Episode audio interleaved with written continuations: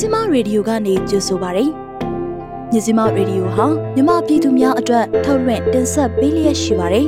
။ကျမတို့ရဲ့မြစီမရေဒီယိုကိုနေ့စဉ်ည6နာရီခွဲမှည9နာရီခွဲထိလိုင်းဒိုမီတာ16မီတာစက္ကွန်တသမခွန်3မဂါဟက်ကနေပြီးတော့ဖမ်းယူနားဆင်နိုင်ပါပြီ။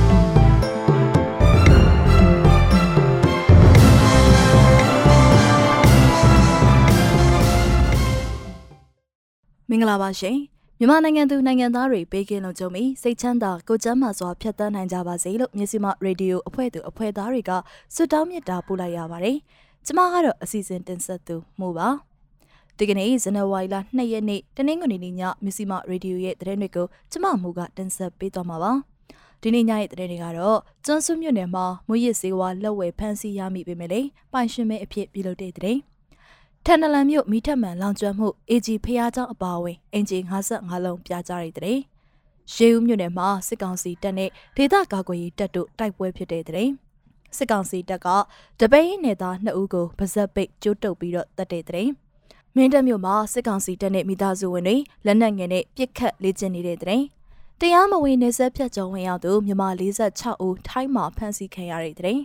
ချောင်းမြို့နယ်မှာရှိတဲ့စစ်ကောင်စီပိုင်းခင်မွန်ဗတ်စုံချမ်းရှော့တိုက်တုံးဖြစ်တိုက်ခိုက်ခံရတဲ့တဲ့စတဲ့တဲ့တွေကိုတင်ဆက်ပေးသွားဖို့ရှိပါတယ်။သတင်းတွေအပြီးမှာတော့နိုင်ငံတကာသတင်းတွေ Spring Hero အစီအစဉ်နဲ့ BNI အစီအစဉ်တွေကိုလည်းနားဆင်ကြရမှာပါ။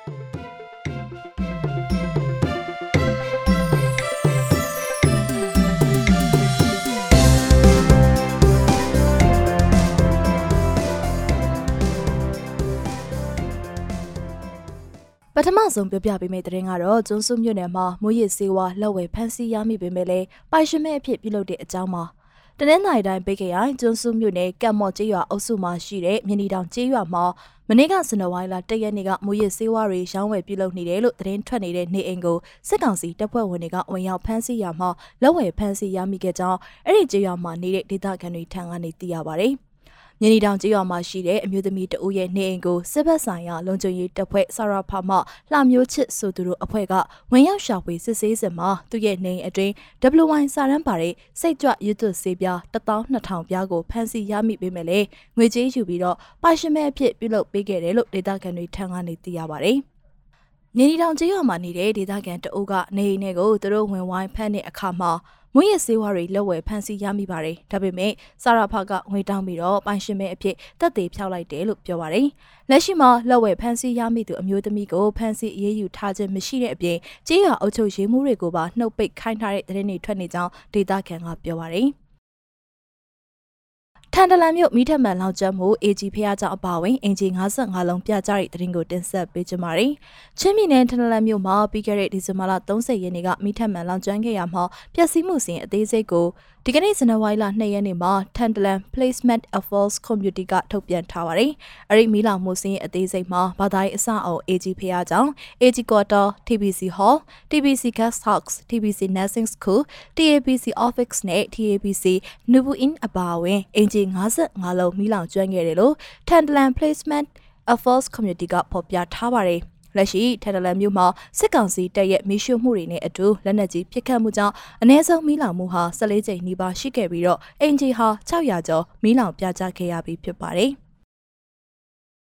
ရှေးဦးမြို့နယ်မှာစစ်ကောင်စီတပ်နဲ့ဒေသကာကွယ်ရေးတပ်တို့တိုက်ပွဲဖြစ်တဲ့တဲ့ရင်ကိုတင်ဆက်ပေးကြပါမယ်။စကိုင်းတိုင်းရှေးဦးမြို့နယ်ပါရမီကျေးရွာအနီးမှာအင်အား150ခန့်ရှိတဲ့စစ်ကောင်စီခြေလျင်တပ်နဲ့ဒေသခံပျောက်ကြားတပ်တို့ဒီကနေ့ဇန်နဝါရီလ2ရက်နေ့မနက်ပိုင်းမှာတိုက်ပွဲဖြစ်ခဲ့ကြောင်းရေဦးပြည်သူကာကွယ်ရေးတပ်ရေဦး PDF အဖွဲ့ဝင်တအုပ်ကပြောပါရယ်။မနက်ထဲကရန်ပစ်နေတာရွာတွေကိုကျွန်တော်တို့က10နိုင်လောက်မှချင်းကပ်ပြီးလက်နက်ကြီးလက်နက်ငယ်တွေနဲ့ပြန်ပစ်တယ်။ဒီကောင်တွေဘက်ကလည်း15မိနစ်လောက်လက်နက်ကြီးလက်နက်ငယ်တွေနဲ့ပြန်ပစ်တယ်။ကျွန်တော်တို့ကပစ်ပြီးတာနဲ့ပြန်ဆုတ်တာအခုချိန်ဒီကိုကျွန်တော်တို့ရှိနိုင်မယ့်နေရာတွေကိုရန်တမ်းပစ်နေတော့လို့သူကဒီကနေ့မိုးလဲ12နိုင်ခွဲမှာပြောပါတယ်။စစ်ကောင်စီတပ်သားတွေကိုပျောက်ကြားစနစ်နဲ့တိုက်ခိုက်ခဲ့ပြီးတော့စစ်သား9ဦးသေဆုံးတယ်လို့သူကဆိုပါတယ်။သေဆုံးမှုကို drone နဲ့ကြည့်ကအတည်ပြုခဲ့ခြင်းဖြစ်ကြောင်းရေဦး PDF အဖွဲ့ဝင်ကမျက်စိမှောက်ကိုပြောပါတယ်။စစ်ကောင်စီတပ်ရဲ့ဒီကနေ့ပြစ်ခတ်မှုတွေကြောင့်တမရောရွာလူနေအိမ်တစ်လုံးနဲ့ကြက်ချံတချံပျက်စီးခဲ့ပြီးလူထိခိုက်မှုရှိမရှိကိုဆက်လက်စုံစမ်းနေဆဲဖြစ်ပါတယ်။ရေဦးမြို့နယ်ရေမြက်ရွာကိုစစ်ကောင်စီကဒီဇင်ဘာလ20ရက်နေ့နေ့မှာရဟတ်ရင်6စီးနဲ့ပြစ်ခတ်ခဲ့ပြီး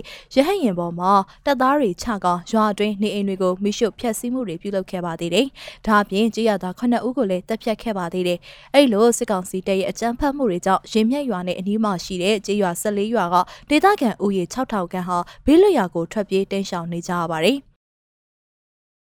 ဆက်လက်ပြီးစစ်ကောင်စီတပ်ကတပိန်းရင်နယ်သား2ဦးကိုဗစက်ပိတ်ကျိုးတုပ်ပြီးတပ်တဲ့တရင်ကိုတင်ဆက်ပေးကြပါမယ်။တပိန်းရင်ဆိုင်ပြင်ကာလန်ဘီတလျှောက်မှာရှိတဲ့ရွာတွေကိုစစ်ကြောင်းထိုးလာတဲ့အကြမ်းဖက်စစ်တပ်ဟာရွှေသားကန်ကြီးရွာမှာပြည်သူ2ဦးကိုဖမ်းမိသွားပြီးတော့ဂွေးပင်ကုန်းကြီးရွာအနီးမှာတပ်ဖြတ်ထားခဲ့ကြောင်းတပိန်းရင်ပြည်သူကာကွယ်ရေးတပ်ဖွဲ့တာဝန်ရှိသူတို့ကပြောပါရယ်။ရွှေသားကန်ကြီးရွာကအသက်35နှစ်အရွယ်ကိုကျော်သူနဲ့အသက်50ခန့်အရွယ်ဦးဝင်းမြင့်တို့ကိုစစ်ကောင်စီတပ်ကဒီဇင်ဘာလ31ရက်နေ့မှာဂွေးပင်ကုန်းကြီးရွာအနီးတပ်ဖြတ်ခဲ့ခြင်းဖြစ်ပါတယ်။လက်မှာကျွတ်တုပ်လျက်ပါဇက်မှာအဝတ်တွေစီးကအသက်ခံထားရတဲ့သူတို့နှစ်ဦးရဲ့ရုံလောင်းတွေကိုမနေ့ကဇန်နဝါရီလ၁ရက်နေ့မှာပြန်လည်တွေ့ရှိခဲ့ကြောင်းတပိန်းပြည်သူ့ကာကွယ်ရေးတပ်ဖွဲ့မှတာဝန်ရှိသူကပြောပါရယ်ရွှေသားငယ်ရွာကိုစစ်တပ်ကဝင်တဲ့အချိန်မှာသူတို့နှစ်ယောက်အဖမ်းခံရပြီးနောက်ရက်မှာသူတို့အလောင်းတွေကိုပြန်တွေ့ရတာပါလို့သူကပြောပါရယ်အဲဒီစစ်ကြောင်းဟာလက်ရှိမှာစိုင်ပြမဘူးတလင်ကိုကာလမေးတလျှောက်ဆက်လက်ထွက်ခွာနေတယ်လို့ဆိုပါရယ်ဒါကြောင့်ဒီဇင်ဘာလ30ရက်နေ့ကထုတ်ပြန်ခဲ့တဲ့ရွှေသားကန်မှုစုံနဲ့တပိန်းရဲ့နယ်ကြောင့်ပြည်သူတွေမဖြတ်တမ်းဖို့တားမြစ်ချက်ကိုပယ်ဖျက်လိုက်ပြီးဖြစ်ကြောင်း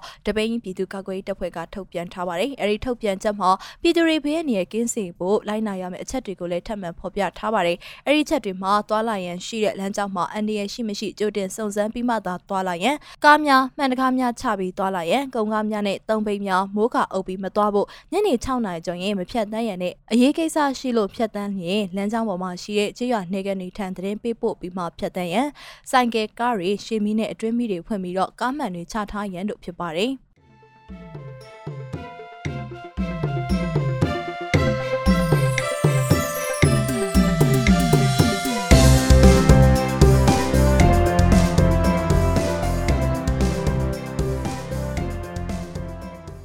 ဆက်လက်ပြီးမင်းတပ်မြို့မှာစစ်ကောင်စီတပ်နဲ့မိသားစုဝင်တွေလက်နက်ငယ်ပစ်ခတ်လေးကျက်နေတဲ့အကြောင်းကိုတင်ဆက်ပေးကြပါမယ်။ချင်းပြည်နယ်မင်းတပ်မြို့တက္ကသိုလ်ကုန်းနဲ့ကိုမိုင်ကြောက်ကွင်းဝန်းကျင်မှာအသစ်ရောက်ရှိလာတဲ့စစ်ကောင်စီတပ်သားရဲသားတွေနဲ့အတူမိသားစုဝင်တွေကိုတနက်ပစ်လေးကျက်ပေးနေကြောင်းသိရပါတယ်။အခုမင်းတပ်ကိုရောက်လာကြတဲ့စစ်သားနဲ့ရဲတွေကတနက်ကောင်းကောင်းမပစ်တတ်ကြဘူး။တနက်စင်တွေလာတော့မသိဘူး။သူတို့ကိုအခုတနက်ပစ်လေးကျက်တင် जा ပေးနေတာလို့သိရတယ်။ပြီးတော့284တရင်တွေကစစ်တပ်မိသားစုဝင်တွေနဲ့ရဲမေတွေကိုလည်းတနက်ပစ်လေးကျက်ပေးနေကြတယ်လို့မင်းတပ်မြို့စစ်ရေးစောင့်ကြည့်လေ့လာသူတအုပ်ကပြောပါတယ်။မနေ့ကဇန်နဝါရီလ၁ရက်ကလည်းမင်းတပ်မြို့16မိုင်ဝန်းကျင်မှာစစ်ကောင်စီတပ်တွေနဲ့ CDF တပ်တွေတိုက်ပွဲဖြစ်ပွားခဲ့ပါသေးတယ်။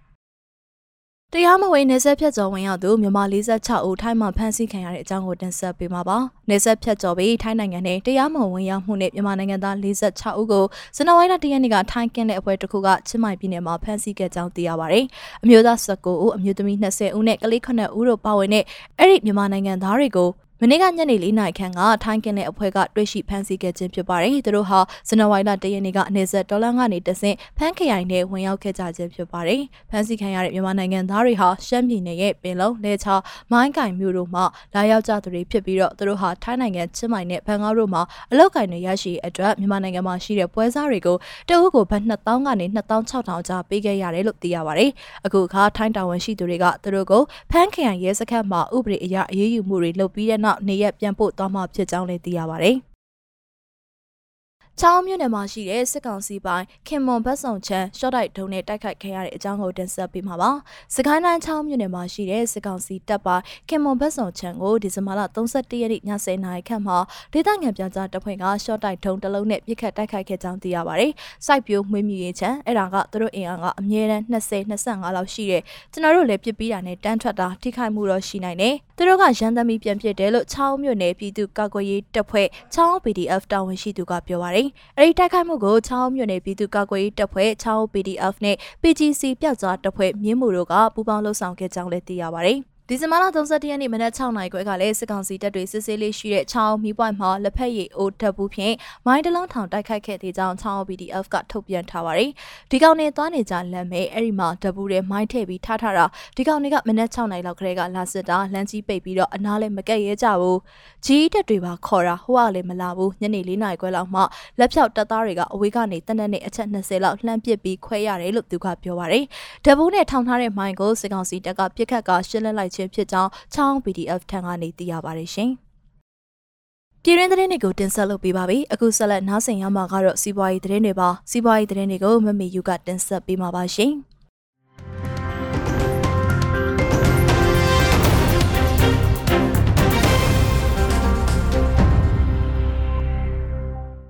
မင်္ဂလာပါရှင်ဒီကနေ့အတွက်ရရှိထားတဲ့စီးပွားရေးသတင်းတွေကိုစတင်နားဆင်ရမှာဖြစ်ပါတယ်ပထမဆုံးအနေနဲ့2022ခုနှစ်ဇန်နဝါရီလရက်ကစတင်လို့သွင်းကုန်စနစ်သစ် ပြောင်းလဲတော့မယ်ဆိုတဲ့သတင်းကိုနားဆင်ရမှာပါ2022ခုနှစ်ဇန်နဝါရီတရက်ကစတင်လို့ပို့ကုန်သွင်းကုန်စနစ်သစ်ကိုစတင်တော့မယ်ဆိုပြီးစီးပွားရေးနဲ့ကုသရေးဝယ်ရေးဝန်ကြီးဌာနထံကသိရပါတယ်ဒါကြောင့်ဇန်နဝါရီလတရက်ကစတင်လို့သွင်းကုန်လိုင်စင်လျှောက်ထားဖို့လိုတဲ့ကုန်စည်လိုင်းများအနေနဲ့သတ်မှတ်ထားတဲ့ကုန်ပစ္စည်းလိုင်းတွေအနေနဲ့မြည်သည့်ကုန်စည်ကိုမစိုးပြပမှပင်လယ်ရေချောင်းလေကြောင်းနဲ့နယ်စပ်ကုန်သွယ်ရေးလမ်းကြောင်းများမှတင်သွင်းရမှာ2022ခုနှစ်ဇန်နဝါရီတရက်ကစတင်လို့လှုပ်ထုံးလုံနည်းနဲ့အညီသွင်းကုန်လိုင်စင်လျှောက်ထားရယူပြီးမှပဲတင်သွင်းခွင့်ပြုသွားမယ်ဆိုပြီးအသိပေးထုတ်ပြန်ထားပါတယ်။လိုင်စင်လျှောက်ရတဲ့အကျုံးဝင်တဲ့ကုန်စည်လိုင်းတွေကတော့ HS Code စစ် digit နဲ့ကုန်စည်1428 line ဒါမှမဟုတ် HS code 10 digit နဲ့ကုန်စည်3080 line ဖြစ်ပါတယ်။ကုန်စည်တွေအနေနဲ့ electronic ပစ္စည်းများစားသောက်ကုန်အချို့အလှကုန်နဲ့လူသုံးကုန်ပစ္စည်းများစက်ကူပစ္စည်းများ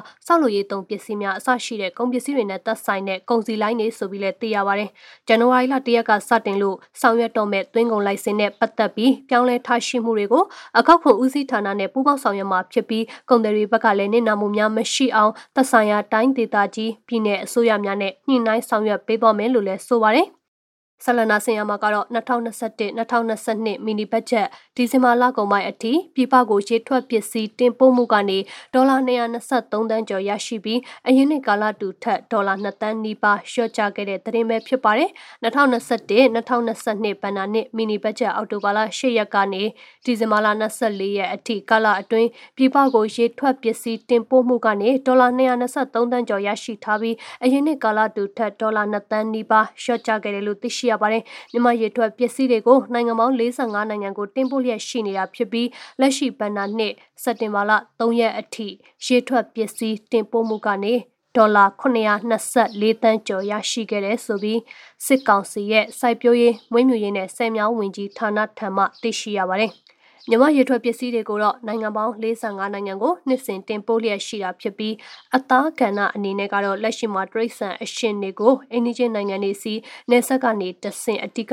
တင်ပို့လျက်ရှိကြောင်းစီးပွားရေးနဲ့ကုသရေးဝယ်ရေးဝန်ကြီးဌာနကထုတ်ပြန်တဲ့အချက်လက်တွေအရ2020ဘဏ္ဍာနှစ်အောက်တိုဘာကနေ2021ခုနှစ်စက်တင်ဘာလ3ရက်အထိရေထွက်ပစ္စည်းတန်ချိန်9.3သိန်းတင်ပို့မှုကနေ ပို့ကုန်တန်ဖိုးဒေါ်လာ924.114တန်ရရှိခဲ့ကြောင်းဒရိတ်ဆန်ထွက်ပစ္စည်းတင်ပို့မှုအနေနဲ့ကတော့2020ပြည့်နှစ်အောက်တိုဘာလကနေ2021ခုနှစ်စက်တင်ဘာလ3ရက်အထိပို့ကုန်တန်ဖိုးဒေါ်လာ18.6တန်ရရှိခဲ့တယ်လို့သိရှိရပါတယ် ပဇွန်မွေးမြူရေးကိုစီးပွားဖြစ်ဆောင်ရွက်ရမှာပဇွန်သားပေါက်တွေကိုအိန္ဒိချင်းပြည်ပနိုင်ငံကနေဝယ်ယူတင်သွင်းနေရလို့မြန်မာနိုင်ငံအတွင်းမှာပဇွန်သားပေါက်ထုတ်လုပ်နိုင်ရေးကိုလည်းအစိုးရနဲ့ပုဂ္ဂလိကတို့ကနေပူးပေါင်းဆောင်ရွက်ရန်လိုအပ်တယ်ဆိုပြီးသိရပါတယ်2019-2020ဘဏ္ဍာနှစ်17လတာကာလအတွင်းရေချိုရှင်ငံငါးပစုံထုတ်လုပ်မှုအနေနဲ့တန်ချိန်9300ကျော်ထုတ်လုပ်နိုင်ခဲ့တယ်လို့သိရပြီး ရေငန်ငါးဖမ်းလုပ်ငန်းကနေတန်ချိန်2800ကျော်နဲ့အများဆုံးထုတ်လုပ်ထားတာပါ2019-2020ဘဏ္ဍာနှစ်အောက်တိုဘာလကနေဩဂတ်လအထိကိုမွေးမြူရေးလုပ်ငန်းတွေကနေတန်ချိန်1055.66တန်အင်းလုပ်ငန်းက295.43တန်ပုံငါးဖမ်းလုပ်ငန်းမှာ1120တက်သမခွန်လေးတန်နဲ့ရေငန်ငါးဖမ်းလုပ်ငန်းမှာ2844တက်သမ83တန်အထိထုတ်လုပ်ထားနိုင်တယ်ဆိုပြီးသိရှိရပါတယ်။မြန်မာနိုင်ငံရဲ့ စုပေါင်းပြည်တွင်းအသက်တင်ထုတ်လုပ်မှုတန်ဖိုးရဲ့ရာခိုင်နှုန်း30ကိုလေယာစိုက်ပျိုးရေးကဏ္ဍမှာရရှိနေတာဖြစ်ပြီးကျေးလက်နေပြည်သူတွေရဲ့68ရာခိုင်နှုန်းဟာဒီကဏ္ဍကနေရရှိတဲ့ဝင်ငွေအပေါ်မှာမိခိုရလျက်ရှိတယ်ဆိုပြီးသိရှိရပါတယ်ဆလနာစင်ယာမှာကတော့အပန်းဖြေဟိုတယ်တွေနဲ့လူစည်းမီးပုံပြန်ဝန်ဆောင်မှုလုပ်ငန်းတွေကိုလုပ်ကိုင်နေတဲ့အမတာကနေကျပ်10ဘီလီယံအရှုံးပေါ်နေတဲ့သတင်းကိုနားဆင်ရမှာပါ ရန်ကုန် Stock Exchange စည်ရင်းဝင်ကုမ္ပဏီတစ်ခုဖြစ်တဲ့အမတာ Holding Public Company Limited ဟာအပန်းဖြေဟိုတယ်များနဲ့လူစည်းမီးပုံပြန်ဝန်ဆောင်မှုလုပ်ငန်းတွေကိုအတိကလုပ်ကိုင်နေတာဖြစ်ပြီး2020 2021ဘဏ္ဍာနှစ်အတွင်းဒီလုပ်ငန်းကနေရရှိတဲ့ဝင်ငွေဟာအရင်နှစ်ကထက်65ရာခိုင်နှုန်းကျော်လျှော့ကျခဲ့တယ်လို့သိရပါတယ်။ဒါအပြင်ကျပ်10ဘီလီယံအရှုံးပေါ်ခဲ့ကြောင်းအမတာ Holding Public Company Limited ရဲ့ဘဏ္ဍာရေးရှင်းတဲ့အပေါ်အခြေခံထားတဲ့ကုမ္ပဏီစီမံအုပ်ချုပ်မှုအဖွဲ့ရဲ့ဆွေးနွေးမှုတွေနဲ့လေ့လာဆန်းစစ်ချက်တွေမှာဖော်ပြထားပါတယ်။စက်တင်ဘာလ30ရက်မှာကုန်ဆုံးတဲ့2020-2021ဘဏ္ဍာနှစ်အား2019-2020ဘဏ္ဍာနှစ်နဲ့နှိုင်းယှဉ်မဲဆိုရင်အမတရဲ့လုပ်ငန်းမှာရရှိတဲ့ဝင်ငွေတွေဟာ95.2ရာခိုင်နှုန်းထိကျဆင်းခဲ့တယ်ဆိုပြီးထုတ်ပြန်ကြမှာဖော်ပြထားပါတယ်။ဒီလိုမျိုးဝင်ငွေကျဆင်းရခြင်းရဲ့အဓိကအကြောင်းရင်းကတော့လူစည်းမီးပုံပြန်လုပ်ငန်းမှာရရှိတဲ့ passenger income 100ရာခိုင်နှုန်းကျဆင်းခဲ့လို့ပါ။ ဝင်ငွေများနဲ့ဆက်ဆက်တဲ့တိုက်ရိုက်ကုန်ကျစရိတ်တွေကတော့61.6ရာခိုင်နှုန်းခန့်ကျဆင်းခဲ့ပေမဲ့ဒီနှစ်ရဲ့အကြမ်းအမြတ်ဟာအရင်နှစ်နဲ့နှိုင်းယှဉ်ရင်69.4ရာခိုင်နှုန်းထိကျဆင်းခဲ့တာကိုလည်းတွေ့ရှိရပါတယ်။ အခြားဝင်ငွေတွေကနေ62.6ရာခိုင်နှုန်းတိုးတက်လာပြီးအခုလိုတိုးတက်ခြင်းရဲ့အကြောင်းရင်းဟာအမတာရဲ့လက်အောက်ခံကုမ္ပဏီ United International Group Limited ကနေအမတာ International Company AIC ကိုအင်းလေးဟိုတယ်ရဲ့ပိုင်ဆိုင်မှုတွေလွှဲပြောင်းပေးခြင်းအတွက်ပေးရန်ကြံရှိတဲ့ကျပ်2ဘီလီယံကိုစည်ရင်းချေမှုပြုလုပ်ခဲ့တာလို့ကြောင်းလည်းသိရပါတယ်။ အမတာကုမ္ပဏီရဲ့စုစုပေါင်းအကျန်းအမြတ်နီးတူကုမ္ပဏီရဲ့စုစုပေါင်းဝင်ငွေအလုံးစုံကလည်းအရင်2019-2020ဘဏ္ဍာနှစ်မှာကျပ်1.5ဘီလီယံအမြတ်ရရှိခဲ့ပေမဲ့ကာလတူဒီ2020-2021ဘဏ္ဍာနှစ်မှာတော့ကျပ်10ဘီလီယံအရှုံးပေါ်ခဲ့တယ်ဆိုပြီးတော့ဖော်ပြထားပါတယ် ဆလနာဆီယာမာကတော့အသေးစားနဲ့အလက်စားလုပ်ငန်းများဖွံ့ဖြိုးရေးဘဏ်ကချင်းငွေ60ဘီလီယံကျန်နေသေးတဲ့အတွက်ဒီနှစ်မှာအမျက်ဝေစုမပေးနိုင်ဘူးဆိုတဲ့သတင်းကိုနားဆင်ရမှာပါအသေးစားနဲ့အလက်စားလုပ်ငန်းများဖွံ့ဖြိုးရေးဘဏ်ကထုတ်ချီးထားတဲ့ချင်းငွေ60ဘီလီယံကျန်နေသေးလို့အခုနှစ်မှာအမျက်ဝေစုမထုတ်ပေးနိုင်ကြောင်းသိရပါတယ်အသေးစားနဲ့အလက်စားဖွံ့ဖြိုးရေးဘဏ် limited ရဲ့25ကြိမ်မြောက်နှစ်ပတ်လည်အထွေထွေအစည်းအဝေးမှာ ဘဏ်ရဲ့နာယကဥခင်ရွှေကနေအခုလိုမျိုးပြောကြားခဲ့တာပါချင်းငွေတွေကိုလည်းဘဏ်ရဲ့စီးမြင့်ဥပဒေတွေနဲ့ထုတ်ချီးတာဖြစ်ပြီးအပေါက်ပစ္စည်းလက်ခံထားတယ်လို့လည်းသိရပါတယ်ဘဏ်အနေနဲ့ကတော့2020-2021ခုနှစ်ဘဏ္ဍာရေးနှစ်အထိဆိုရင်ကျပ်ဘီလီယံ200ကျော်တဲ့အထိထုတ်ချီးခဲ့ရတယ်လို့လည်းသိရပါတယ်။အသေးစားနဲ့အလက်စားဖွံ့ဖြိုးရေးဘဏ် Limited ရဲ့ Director အဖွဲ့အစီရင်ခံစာမှာ2020-2021ခုနှစ်မှာအမြတ်ရခဲ့ပြီးဒီအမြတ်တွေကိုဆက်လက်တိုးချဲ့သွားမဲ့ဘဏ်ခွဲတွေအတွက်ရှင်းနှမြုံနံနာတွေလုပ်နိုင်မှုအမြတ်ငွေခွဲမပေးတော့ဘဲ တည်တံ့အရှုံးအမြတ်ရန်မုံငွေစည်ရင်းမှာစုဆောင်းထားမယ်ဆိုပြီးလည်းဖော်ပြထားပါတယ်။ဒါ့အပြင်ဂျိုက်ကချီငွေပထမအတုပ်ထဲကလုပ်ငန်းရှင်132ယောက်ကို32ဘီလီယံဒုတိယအတုပ်ထဲကလုပ်ငန်းရှင်အယောက်30အတွက်8ဘီလီယံနဲ့အရေးပေါ်ချီငွေအစီအစဉ်အရလုပ်ငန်းရှင်အယောက်50အတွက်ကျပ်1ဘီလီယံကိုထုတ်ချီခဲ့တယ်ဆိုပြီးလည်းသိရပါတယ်။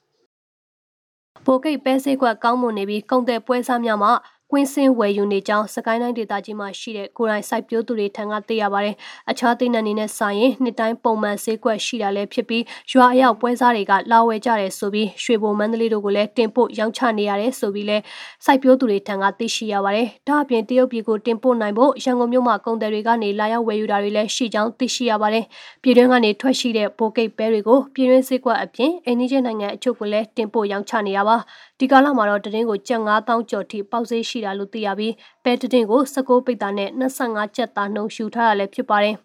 ဒီဈေးဟာမနစ်ကထက်ဆိုင်တော့ဈေးနှဲသွားတယ်လို့သိရပြီးမနစ်ကတော့ကျပ်6000အထိပေါက်ဈေးရှိပါတယ်။ပိုကိတ်ပဲဈေးဟာတတင်းကိုကျပ်4000ခွဲအောက်အထိတော့ကျဆင်းသွားခြင်းရှိလေတော့မရှိဘူးလို့ဆိုပါတယ်။ပိုကိတ်ပဲမင်ကိုဂျွန်လိုင်လအတွင်းမှာစိုက်ပျိုးရလေးရှိတာဖြစ်ပြီးစိုက်သက်တန်း၄လအကြာပဲတော့ပဲသီးများ6လချိန်မှာလူအင်အားနဲ့ခူးစွကောက်ယူကရှိတ်သိမ်းချွေလေးဆက်နဲ့ချွေပြီးပိုကိတ်ပဲဈေးတွေကိုဈေးကွက်ကိုတင်ပို့ရောင်းချတာဆိုပြီးလည်းသိရပါတယ်။ဒီကနေ့တော့ရရှိထားတဲ့စီးပွားရေးသတင်းတွေကတော့ဒီလောက်ပါပဲရှင်။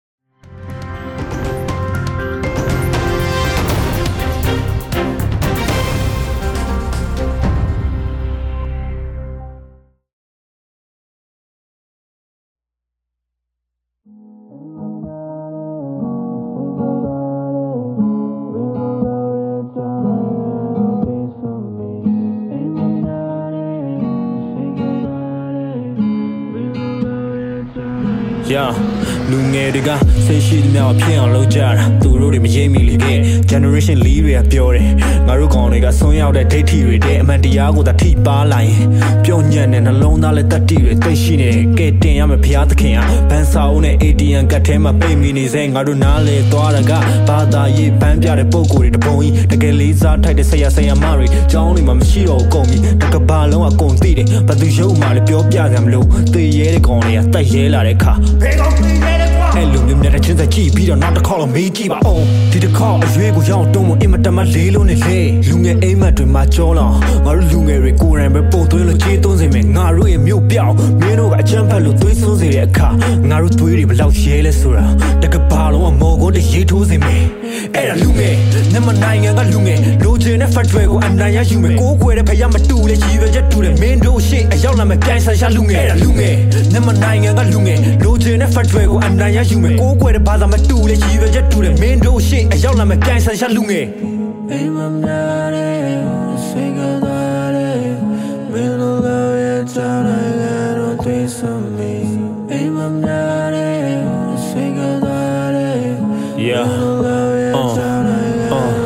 uh ညနေမနက်ဟာအတိတ်ပဲတွေမဲလာတယ်မရှိတော့ဘူး inspiration နဲ့အတွေးကောင်းတွေလဲပညာမဲတွေကအာနာယူပညာတတ်တွေကရဲရင်စွာဈေးရောက်နေတဲ့တဲ့အရင်လိုတငယ်ချင်းတွေပြန်မစုံနိုင်မူးအောင်တောက်ပြီးတော့လဲလက်ထိုးပြီးမအန်နိုင်ဘူးထောက်ခံမဲ့ချောင်းမဲနဲ့ဝင်ကြီးတက်လှုပ်တဲ့သူရဲ့အုတ်ချုပ်တာတော့မခံနိုင်ဘူးခေါင်းဆောင်အစနောက်လိုက်အဆုံးသူတို့အုံနောက်ထပ်ပြည့်နေတာနောက်ချေးတွေပဲငါတို့အလက်ပြန်ရောက်လာပြီမအေးဘေးများအခုကြတော့ကြောက်သေးတွေရွှဲတက်ကြီးရွယ်ဦးနဲ့လူမမယ်တွေစစ်ဘေးကြောင့်တောထဲမှာရှောင်ပြေးနေစေနိုင်ငံအနာဂတ်ဟာမင်းတို့ကြောင့်တိုးတက်ဖို့အနှစ်20လောက်နှောင့်နှေးစေတယ်ကဲအခုမင်းတို့စီမှာဘာကြံလဲမတရားတဲ့အမိန်တွေကိုနာခံနေဆိုတဲ့ကမင်းတို့ရဲ့ဘဝတွေကလက်နဲ့ကင်ထားတဲ့စောက်ချောက်တွေလို့သုံးဆမရတဲ့တရားတဲ့အပြည့်မိသားစုနဲ့အပေါင်းအသင်းတွေကအခုဆိုစမပြန်နဲ့မင်းဘဝမင်းနားလဲရင်မတရားမှုယောက်ျားဆန်ဆန်တွန်းလှန်ပြီးတော့အခန့်ခဲ့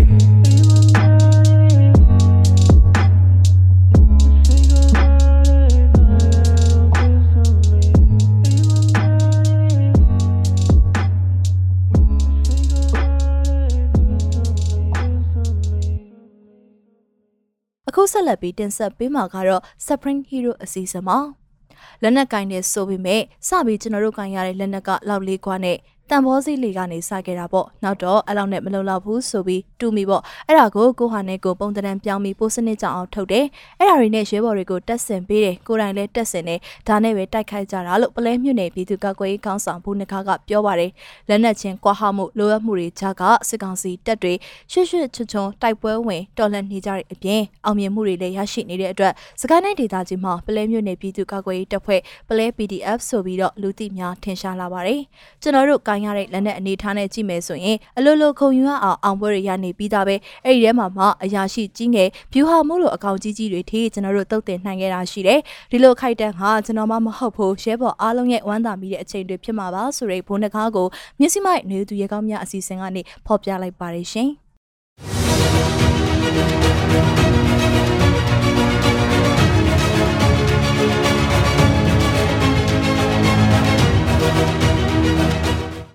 မင်္ဂလာပါရှင်ဒီတစ်ပတ်ရဲ့ຫນွေဦးသူရဲကောင်းများအစီအစဉ်မှာတော့စစ်တပ်ရဲ့စက်တိုက်ထိုးစစ်ဆင်တာတွေခံနေရပေမဲ့လည်းတော်လန်ရေးမှာသွေးမနေကြတဲ့စကိုင်းနယ်ကပလဲ PDF ခေါင်းဆောင်ရေးအကြောင်းကိုတင်ဆက်ပေးမှာပါ။သူကတော့ဘူနကားလို့လူသိများပါတယ်။ငငယ်တုန်းကစစ်သားတယောက်ဖြစ်ချင်ခဲ့တယ်ဆိုပြီးတော့သိရတယ်။ဒါပေမဲ့လည်းလက်တွေ့မှာစစ်တပ်ရဲ့အနိုင်ကျင့်ဗိုလ်ကြပြီးတော့လူမဆန်တဲ့လုပ်ရက်တွေကိုမျက်ဝါးထင်ထင်တွေ့မြင်လိုက်ရတဲ့အခါမှာတော့ဒီတက်မတော်အင်ဂျင်နီယာတယောက်ဖြစ်လာနိုင်တဲ့အခွင့်အရေးကိုလက်လွတ်ခဲ့ပါတယ်။ အခုလက်ရှိမှာဆိုရင်လည်းပြည်သူတွေအပေါ်ညှဉ်းပန်းနှိပ်စက်ပြီးတော့ဒီဖိနှိပ်ထားတဲ့အာဏာသိမ်းစစ်တပ်ကိုလက်နက်ဆွဲကင်ပြီးတော့တော်လှန်နေပါပြီ။ဘယ်အရာမဆိုစိတ်ဆုံးဖြတ်လိုက်ရင်ဖြစ်အောင်လုပ်နိုင်တဲ့အရေးချင်းရှိလို့လဲ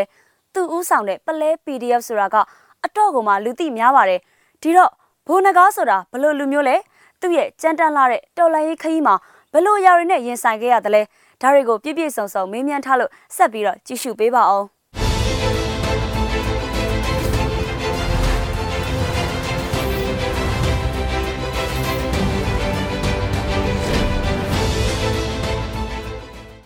ဟုတ်ကဲ့ပါဘုံနဂါအနေနဲ့ပေါ့နော်ဘလို့ဖြစ်ပြီးတော့ဒီလက်နက်ကင်တော်လိုင်းလမ်းကြောင်းပေါ်ရောက်လာလဲဆိုတာအရင်ဆုံးပြောပြပါဦးဒီမိုကရေစီကြကြခံစားခွင့်အနေနဲ့ကျွန်တော်တို့တိုင်းပြည်ကိုကျွန်တော်တို့ပဲတိဆောက်လို့တယ်နော်စစ်အုပ်ချုပ်ရေးအလိုမရှိဘူးစစ်အာဏာရှင်အလိုမရှိဘူးဆိုတော့အနေအထားတွေကိုငြိမ်းငြိမ်းချမ်းချမ်းဆန္ဒပြခဲ့ကြတယ်အဲ့ဒီအနေအထားမှာဒေတာနဲ့အဝမ်းမှာဒီစစ်ကောင်စီအနေနဲ့ကရရဆက်ဆက်ဒီဆန္ဒပြလူငယ်တွေကိုတပ်ဖြတ်ခဲ့တာရှိတယ်ဗျအဲ့ဒါတွေကကြာလာတော့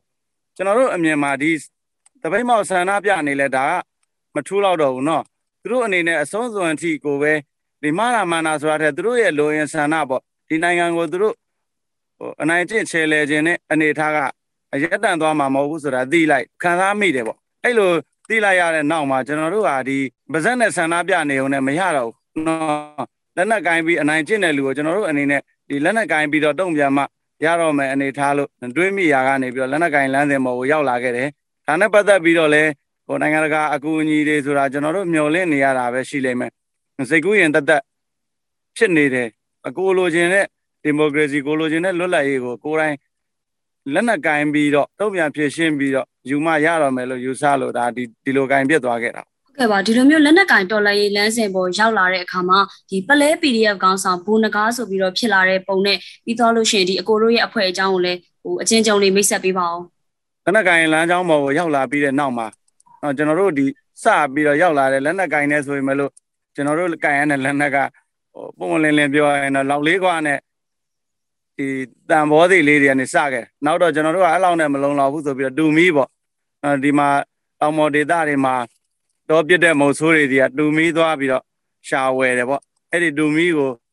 ပုံကိုဟာနဲ့ကိုပေါ့ပုံစံပြောင်းပြီးတော့ စနစ်ကြအောင်ပို့ပြီးစနစ်ကြအောင်ကြိုးစားပြီးထုတ်တယ်အဲ့ဒါတွေနဲ့ရဲဘော်တွေကိုလည်းတက်ဆင်ပေးတယ်ကိုကိုယ်တိုင်လည်းအဲ့ဒါနဲ့ကင်ပြီးတော့တိုက်ခဲ့ကြတာပေါ့အဲ့လိုတိုက်ရင်တိုက်ရင်နဲ့ဒီဒီနောက်ပိုင်းမှာပေါ့ဒီကျွန်တော်တို့စကားပြောတဲ့ခါတွေနာမည်သုံးတဲ့ခါတွေမှာနာမည်အရင်သုံးလို့တော့အဆင်မပြေဘူးပေါ့နော်ပြီးတော့ဒါကဘယ်သူဆိုတာလဲစစ်ကောင်စီကခြေရမခံမိအောင်ရဲဘော်တွေကအဲဆရာအနေနဲ့နာမည်လေးတစ်ခုခုတော့ပြောင်းဆိုတော့ဘာရဲတော့မဟုတ်ပါဘူးကျွန်တော်ကစနေသားဖြစ်စနေသားဖြစ်နေတော့ကျွန်တော်နေနိုင်ရဲ့ ဒီသင်္ကေတကိုသုံးလိုက်တာပါပဲဟုတ်ဟုတ်ကဲ့ပါဒါကတော့ဘုံနဂါဆိုပြီးတော့ဖြစ်လာတဲ့ဒါကိုယ့်ရဲ့အကြောင်းပေါ့ဒီတော့ဘုံနဂါဆိုပြီးတော့မဖြစ်ခင်အာနာသိမ့်မှုမတိုင်ခင်ကာလတုန်းကရောဟိုအကိုကဘာလုပ်တဲ့ဘယ်လိုမျိုးလူလဲဆိုတာကိုလည်းဟိုအကိုရဲ့ဘဝအကြောင်းပေါ့နော်အတူချုပ်လေးနည်းနည်းလောက်ပြောပြပေးပါဦးဟုတ်ကဲ့ကျွန်တော်ကဒီအာနာသိမ့်နဲ့ဖြစ်စဉ်မတိုင်ခင်ကတော့ထူးထူးထွေထွေမဟုတ်ပေမဲ့နေရာတော်တော်များများမှာကျင်လည်ခဲ့ဦးတယ်ဗျကျွန်တော်ကအကြောင်းပြီးတော့မိဘတွေ ဆရာတွေနဲ့ဒီပတ်ဝန်းကျင်ကအကြီးအကဲတွေရဲ့ဟိုဆန္ဒနဲ့ကျွန်တော်တက်မတော်အင်ဂျင်နီယာဖြည့်ဖြစ်ခဲ့နော်တကယ်တမ်းတော့ကျွန်တော်ငယ်ငယ်ကစစ်သားတယောက်ဖြစ်ချင်ခဲ့ပေမဲ့အဲ့ဒီ10တန်းမဖြစ်ခင်နှစ်လောက်မှာပေါ့ကိုတန်းចောင်းသားအရွယ်လောက်ကလေးဒီစစ်တပ်ရဲ့ရုံမာမှုတွေပေါ့ဒီအနိုင်ကျင့်မှုတွေကိုမြန်ဝါထင်တယ်တွေ့ရတာတွေရှိတယ်ကျွန်တော်တို့ဘက်မှာဒီကောက်ပဲသီးနှံတွေကိုမတန်တဆဈေးနဲ့ဝယ်တယ်တင်းဆိုရင်လည်းတင်းနဲ့မမျှအောင်ပေါ့တည်င်းဝယ်လို့ရှိရင်သူတို့ကတည်င်းတည်င်း ဝယ်လို့ရှိရင်နှစ်ပြည်လောက်သုံးပြည်လောက်အပိုဆောင်ရအောင်ဝယ်တယ်ပြီးတော့လာချင်တဲ့တောင်တူဦးကြီးတွေအပေါ်မှာသူတို့ဆန္ဒနဲ့မကိုက်ညီဘူးသူတို့လိုချင်တဲ့လောက်မတန့်စင်ဘူးဆိုတဲ့အကြောင်းပြချက်တွေနဲ့ဒီတောင်တူဦးကြီးတွေပေါ့အဖိုးကြီးအဖွားကြီးတွေကိုပါအထိဆဲတာတွေအဲသူတို့ရှေ့မှာလည်းတခါတည်းပြပြခိုင်းစင်ခိုင်းရင်းနဲ့ခြေထောက်နဲ့ကန်တာတွေပေါ့ကျွန်တော်မြင်ဘူးတယ်ကျွန်တော်ဖြစ်ချင်တဲ့စစ်သားတစ်ဖက်ကလည်းဗီဇာဖြောင်းမရတစ်ဖက်ကလည်းအဲ့စစ်တပ်ဆိုရင်တော်တော်ကိုမုန်းသွားအဲ့ဒီနောက်ပိုင်းမှာကျွန်တော်ဆယ်တန်းဖြည့်ပြီးတဲ့နေ့မှာတွေ့ဝင်းနေတယ်ပေါ့ဒီထဲကို ဟိုဝင်ဖို့မဝင်ဖို့နဲ့နောက်ဆရာတွေလည်းတိုက်တွန်းနေတော့ကျွန်တော်တက်မတော်အင်ဂျင်နီယာတင်နန်းတက်ခွင့်ဖြေခဲ့တယ်အောင်နေဒါပေမဲ့အစိတ်ထဲမှာသိပြီးလိပ်ပြမလုံးဒါတွေပဲပြန်ပြန်မြင်နေတော့အဲဆရာနဲ့တိုင်မင်းနဲ့ဆရာကျွန်တော်အဲ့ဒါကြီးမတက်ချင်ဘူးတခြားဟာပြောင်းနေတယ်ဆိုဆရာလည်းအောင်လဲအောင်နေပြီသူများတွေဒီဟာတွေကိုလိုချင်လုံးလို့ဖြေနေရမင်းတက်ရမယ်ပေါ့အဲနောက်ဆုံးမှာတွေ့ဝင်းနေရနေဆုံးဖြတ်ချက်ကျွန်တော်ချလိုက်တယ်ကျွန်တော်အဲ့တက်မတော်အင်ဂျင်နီယာတင်နန်းကျောင်းသားတွေကိုကားနဲ့လာစုတဲ့အခါကျလိုက်မသွားခဲ့တော့ အဲအုတ်ချုပ်ရေးမှုကမိုင်းနဲ့ခေါ်တယ်ကျွန်တော်ကအဝတ်စားအိတ်တွေယူပြီးတော့ကျွန်တော်အဲ့တော့ရိုးရနယ်သက်ဘက်ကိုသွားတဲ့ကျွန်တော်တို့ဒေသလူတွေနဲ့ကျွန်တော်လိုက်သွားခဲ့အဲ့ဒီနောက်မှာကျွန်တော်ဒီဗမာပြည်တွေက NGO တခုမှအလုပ်လုပ်တယ်ပေါ့အဲ့ဒီထဲကနေပြီးတော့ဟိုဒါရေရှည်ဘဝကိုတိဆောက်ဖို့ရကြတော့ကျွန်တော်အနေနဲ့တိတ်အားမရတဲ့ခါကိုယ်ပိုင်အလုပ်လုပ်မယ်ပေါ့အဲကျွန်တော်ကျွမ်းကျင်တဲ့ဒီဝါသနာလည်းပါတယ်စိုက်ပျိုးရေးအလုပ်ကနေစပြီးတော့လုပ်မယ်ဆိုပြီးတော့စိုက်ပျိုးရေးအလုပ်လုပ်ရှိတာလေးတွေရင်းနေပြီးတော့ထည့်ထားတာ ဒီဥယျာဉ်ကြမြေစိုက်ပျိုးရေးလုပ်ငန်းထဲမှာပေါ့နှစ်နှစ်လောက်ကျွန်တော်လုံးပြီးတော့တော်တော်လေးအဆင်ပြေဒါပေမဲ့အာနာသိန်းနဲ့ဖြစ်စဉ်ထဖြစ်လိုက်တဲ့အခါကျတော့ဒီဟာလေးတွေကိုလည်းကျွန်တော်နှမျိုးမျိုးနဲ့အားလုံးစွန့်ထားခဲ့ပြီးတော့ဒီသူတွေရဲ့ရှေ့ကိုထွက်လာခဲ့ရတဲ့အနေအထားခုလိုမျိုးလက်နက်ကိုင်တော်လန်ရေးလမ်းကြောင်းပေါ်စပြီးတော့ရှောက်တဲ့ခါမှာဟိုပထမဆုံးကြုံတွေ့ခဲ့တဲ့ဒီတိုက်ပွဲကရောဘယ်တော့မှများဖြစ်မလဲပထမဆုံးကြုံတွေ့ခဲ့ရတဲ့တိုက်ပွဲတွေကကျွန်တော်တို့ဒီကနီနယ်ဘက်မှာဖြစ်ခဲ့ကြကျွန်တော်တို့ကအဲ့တော့ကနီနယ်ဘက်မှာ ရင်းမာပင်နဲ့ကနီအဆက်ကချောင်းဒီချောင်းမတော့မှန်အောင်တို့တိုက်ပွဲတွေထဲမှာကျွန်တော်တို့သွားကူရတယ်စစ်ကောင်စီနဲ့အဲ့တော့ကတော့ပြင်းပြင်းထန်ထန်တိုက်ပွဲတွေဖြစ်ခဲ့ကြတယ်ဒီအားလုံးလည်းသိကြမှာပါအဲ့ဒီတခြားမှာပေါ့အဲ့ဒီတိုက်ပွဲမှာတော့ကကျွန်တော်တို့ဒီတာဝါတိုင်းတောင်ကုန်းဘက်ကဒီအရာခံဘိုတယောက်ကိုကျွန်တော်တို့လက်ရအရှင်ဖမ်းပြီးတော့အဲ့ဒီတိုက်ပွဲမှာတော့လည်းကျွန်တော်အောင်ပွဲခံနိုင်ခဲ့အဲ့တော့ကတော့ကျွန်တော်တို့အဲ့ဒီလူကိုဒီမောမှာဟိုဝေမွန်းနိုင်ပေါ့နော်ကျွန်တော်တို့ရဲ့ညီကိုဝေမွန်းနိုင်အ ဖမ်းခံရတဲ့အချိန်ကျွန်တော်အဲ့ဒီအရာခံဘိုနဲ့လဲဖို့အဲစူးစမ်းနေတာပေါ့စီစဉ်နေတာအဲ့အရာခံဘိုကိုကျွန်တော်မတက်ဖက်အရှင်ထားတာဒါပေမဲ့အဲ့ကနီနယ်ဘက်မိချောင်းသွန်းဘက်ကပါလာတဲ့ကလေးတယောက်ကအဲ့ဒီအရာကံဘိုးကိုနောက်ကနေကျွန်တော်နောက်ကနေပြစ်လိုက်တာအဲ့ဒါသေးသွားတော့ကျွန်တော်အစီအစဉ်လည်းပြတ်သွားခဲ့တယ်ပေါ့ဟိုလဲလို့တော့ရချင်မှရမှာပေါ့ကျွန်တော်စိတ်ကူးခဲ့တာပြောတာအဲ့ဒီတော့ကတော့ဒါပထမဆုံးကျွန်တော်တို့အဲ့ဒီဘက်တင်မှာရက်ရှည်ပေါ့တ ပွဲတဲ့ဆိုရင်လည်းရက်ရှည်တယ်အဲ့ဒီဘက်မှာတော်တော်ကြာတယ်အဲ့ဒီတိုက်ပွဲပေါ့အမတ်တရားဟုတ်ကဲ့ပါဒီလိုမျိုးပေါ့နော်ဆရာနာရှင်ကိုတောက်လျှောက်ဒီတော်လန်တိုက်ပွဲတွေဝင်နေတယ်ဆိုတော့ဟိုမရှိခဲ့ဘူးဆိုရင်တော့မှတစ်ချိန်တစ်ခါတော့ကိုကိုကိုအရန်ကိုဂုံယူမိတဲ့ဟိုအခိုက်အတန့်အဖြစ်အပျက်တွေကြုံခဲ့မှာပဲပေါ့အဲ့ဒီအကြောင်းလေးလည်းသိချင်တယ်ကိုအခုနာပြောသလိုကျွန်တော်တို့ရဲ့တိုက်ပွဲတွေထဲမှာဒီလိုအရာရှိအရာရှိကြီးငယ်တွေကိုကျွန်တော်တို့ဟိုတုတ်တင်လိုက်နိုင်ပြီဆိုတဲ့ပွဲတွေမှာကျွန်တော်တို့ဒါဂုံယူမဆုံးဖြစ်ရတယ် အဲ့ဒါဘာလဲဆိုတော့အဲ့ဒီတစ်ခုတည်းတည်းမကဘူးကျွန်တော်ကဒီလက်နက်ကင်ဒေါ်လာရေးမှာကိုဒေတာလူတွေကိုကျွန်တော်ရှိတာလေးတွေရောင်းချပြီးတော့သူတို့တွေဒီလက်နက်ကင်ဒေါ်လာရေးမှာစိတ်ပါဝင်စားလာအောင်ဥဆောင်ပေးနိုင်ခဲ့တယ်တကယ်လဲပြောင်ပြောင်မြောင်မြောင်အဲ့ဒီလူတွေကိုဥဆောင်ပြီးတော့ကျွန်တော်တို့စွမ်းအားနဲ့ကျွန်တော်တို့ရဲ့အနေထားနဲ့ကင်ရတဲ့လက်နက်တွေနဲ့ကြည့်မယ်ဆိုရင်အလိုလိုဂုံယူလောက်အောင်အောင်ပွဲတွေကရနေပြီးသားပဲအဲ့ဒီထဲမှာမှအခုနံပြောတဲ့အရာရှိကြီးငယ်တွေပေါ့ဗျူဟာမှုလို့ အကောင်ကြီးကြီးတွေဒီကျွန်တော်တို့တုတ်တင်လိုက်နိုင်တာရှိတယ်ပေါ့နော်အဲ့လိုအနေအထားမျိုးကြုံရတဲ့အခိုက်အတန့်တွေကအဲကျွန်တော်မှမဟုတ်ပါဘူးရဲဘော်အားလုံးရဲ့ဝမ်းသာမိတဲ့အခြေအနေပဲဖြစ်မှာဟုတ်ကဲ့ပါဒီတော့လေဒီစစ်အုပ်စုကိုတော်လန်နာတွေဒီလိုစက်တိုက်တွေလောက်လာတဲ့အခါမှာအကိုတို့ရဲ့ပလဲ PDF ဆိုတာကလည်းဒီပြည်သူတွေကြားမှာပေါ့နော်လူပြောများပြီးတော့ဒါလူသိများတဲ့အဖွဲ့တစ်ခုဖြစ်လာတယ်ပေါ့ဟိုဒီလိုမျိုးလှုပ်ဆောင်ခဲ့တဲ့ဒီလှုပ်ဆောင်မှုတွေတခြားလုံးမှာအကိုတို့အဖွဲ့အနေနဲ့ဒီစိတ်ကျေနပ်မှုအရဆုံးဒီတိုက်ပွဲရှိလို့ရှိရင်လည်းဒါပြပြပေးပါဦး ဟုတ်ကဲ့စိတ်ကျေနပ်မှုအရှိဆုံးတိုက်ပွဲကတော့ကံခေါဘက်ကနေပြီးတော့ဆင်းလာတာဗျအင်အားကတော်တော်များတယ်အဲရန်သူဘက်ကအင်အားများတယ်လက်နက်ကြီးတွေရောပါတယ်ပေါ့ဟုတ်လက်နက်ကြီးတွေရောပါတယ်ကျွန်တော်တို့ဘက်ကလည်းဒါအင်အားအလုံးအရင်နဲ့အဲ့တော့လူရ300ကျော်လောက်ပါသွားတယ်ပြောမှာတောင်ကုန်းနေပေါ်မှာဖွေးလို့ရန်သူဘက်ကလည်းအဲ့တော့အင်အားတော်တော်များတယ်အစီစီ60ကျော်လောက်ပြန်ဆင်းလာတာကားစီအဲ့ဒီကားရန်ကြီးက80မတိုးဘူးဗျ မတိုးဘဲနဲ့ရက်နေတယ်ရက်နေပြီးတော့သူတို့ကဘာတွေပြင်ဆင်တော့ဆိုတော့ဒီအရက်ကားတွေကိုဆွဲပြီးတော့ချောဆွဲပြီးတော့အဲ့ဒါနဲ့ရွှေ့ဖို့ကြိုးစားတယ်အဲ့လိုရွှေ့ဖို့ကြိုးစားရတဲ့သူတို့စိတ်မလုံးကြုံလို့လားမသိအဲ့ဒီနေ့ကလုံးလုံးကိုရှေ့မတိုးတော့အဲ့မှာမိုးတွေကလည်းရွာနေကျွန်တော်တို့ကမိုးရွာကြီးထဲမှာပေါ့မိုးရွာကြီးထဲမှာရဲဘော်တွေကလည်းအဲ့ဒီဆောင်မှောင်လာတော့ပြန်ညင်ညပြန်ညင်တဲ့အခါမှာကျွန်တော်တွေးမိလိုက်တာတခုကဟုတ်ပြီကဲအဲဒီနေ့အားလုံးပြန်ဆုံးမယ်ပေါ့ထောင်ပြီးသားမိုင်းနေတော့မဖြုတ်တော့ဘူး မဖြုတ်တော့ဘဲနဲ့ကျွန်တော်တို့ကဒီရဲဘော်တွေနဲ့အဲအကုန်လုံးကိုစကန်းကိုပြန်တဲ့ပုံစံမျိုးပြလိုက်တာမိုင်းစင်ထားတဲ့နေရာတွေပေါ့မဖြုတ်ခဲ့ပဲနဲ့အဲ့နေရာတွေပြန်ကတ်ဖို့လူ၈ယောက်လောက်ပဲကျွန်တော်ရွေးလိုက်တယ်ဒါပေမဲ့မနက်ခင်းထွက်လာတော့၁၁ယောက်လောက်ဖြစ်သွားတယ်အားလုံးပေါ့အဲ့ဒီမှာ၁၁ယောက်လောက်နဲ့သွားတာအဲ့ဒီ၁၁ယောက်ကို၈နေရာလောက်ခွဲချသူတို့တွေရဲ့ဆုပ်လန်းတက်လန်းတွေကိုကျွန်တော်ကိုယ်တိုင်ပဲအဲ့ဓာတ်နဲ့ရှင်းပြီးတော့ဘယ်စုရက်ကိုဘယ်လိုပြန်ခောက်ရမယ်ဆိုတာမျိုးပြောထားတာပေါ့နော်ပြောတဲ့အချိန်မှာရန်သူဘက်ကလည်း အဲ့ဒီနေရာကိုဆင်းဖို့ကတော်တော်တတိကြီးကြီးနဲ့လှုပ်လာတဲ့ပုံခြေပြေးမိုင်းရှင်းအဖွဲ9ယောက်လွှတ်တယ်အဲ့ဒီနောက်မှာအဲအရန်ပေါ့မိုင်းရှင်းအဖွဲ့ကိုနောက်ကနေရန်ပေးထားတဲ့အဖွဲ့က20လောက်ရှိတယ်အဲ့ဒီနောက်မှာမှအင်အား90လောက်တစ်ဖွဲ့ပေါ့အိုးအထက်ကျတော့တောင်ကုန်းအမြင့်ပေါ်ကနေလက်နက်ကြီးတွေဆင်းထားတယ်လက်နက်ကြီးတွေဆင်းထားပြီးတော့အဲ့ဒီလက်နက်ကြီးအထိုင်ချထားပြီးအဲ့ဒီသုံးဘွဲရပေါ့အပြေးပြေးချင်းရွေ့လာတာရှေ့ပြေးမိုင်းရှင်း9ယောက်ကအဲ့မှာမိုင်းရှင်းဖွဲ့တွေနဲ့လာတယ်ဆိုတော့ကျတော့ ကားတန်းကိုစောင့်နေလို့မရတော့ဘူးမိုင်းရှင်းဖွဲ့မိုင်းကွန်းထဲကိုဝင်တာနဲ့ဆွဲမယ်ဆိုပြီးတော့အဲသူတို့ဆုံးဖြတ်ချက်ချပေးတယ်အဲ့မှာမိုင်းရှင်းဖွဲ့ကမိုင်းကွန်းထဲကိုရောက်လာတယ်ပေါ့နောက်ကအရန်အဖွဲ့20လောက်ကမလန်းမကန်းမှာရောက်အဲ့ဒီမှာမိုင်းရှင်းဖွဲ့ကမိုင်းကွန်းထဲကိုရောက်တော့သူတို့ကဒီနေရာကိုတိတ်မတင်ကတော့ကြည့်တဲ့အချိန်မှာသူကမိုင်းကျိုးကိုမြင်သွားတာပေါ့ခဲတုံးကိုတိုက်ပြီးတော့じゃခဲတုံးကပြိုကျပြီးမိုင်းကျိုးလှုပ်သွားတော့မိုင်းဆိုပြီးអော်တဲ့အချိန်မှာကျွန်တော်တို့ကလည်းဆွဲချလိုက်အုံးကနေဆိုအဲ့ဒီ9ယောက်ကမြောက်တက်သွားတယ်မြောက်တက်သွားပြီးတော့ ဟိုနောက်ကအဲရမ်းပြီးလိုက်လာပေးတဲ့20ကျော်လောက်ကိုကြတော့သူတို့ကဒီဘက်ကိုပြစ်တဲ့အချိန်မှာကျွန်တော်တို့ကနောက်ကလိုက်လာနိုင်ခြေရှိတဲ့အတွက်အဲ့ဒီကိုတစ်ဖက်ပွန်ပြောင်းအရှိတွေအမြောက်လိုဟာတွေပေါ့ချိန်ထားတာအဲ့ဒီနှလုံးဆွဲချလိုက်တဲ့ကအဲ့ဒီ20လောက်ထဲလဲအသုံးယုံကြအသုံးယုံကြသွားတဲ့အချိန်မှာဒီနောက်ကအဖွဲ90လောက်ကပြစ်တယ်လက်နက်ကြီးကလည်းပြစ်တယ်ပေါ့အဲ့ပြစ်တဲ့အချိန်မှာကျွန်တော်တို့ကဒီမိုင်းခွဲစီကိုဥတီပြစ်နေတဲ့အချိန်မှာတခြားနေရာပေါ့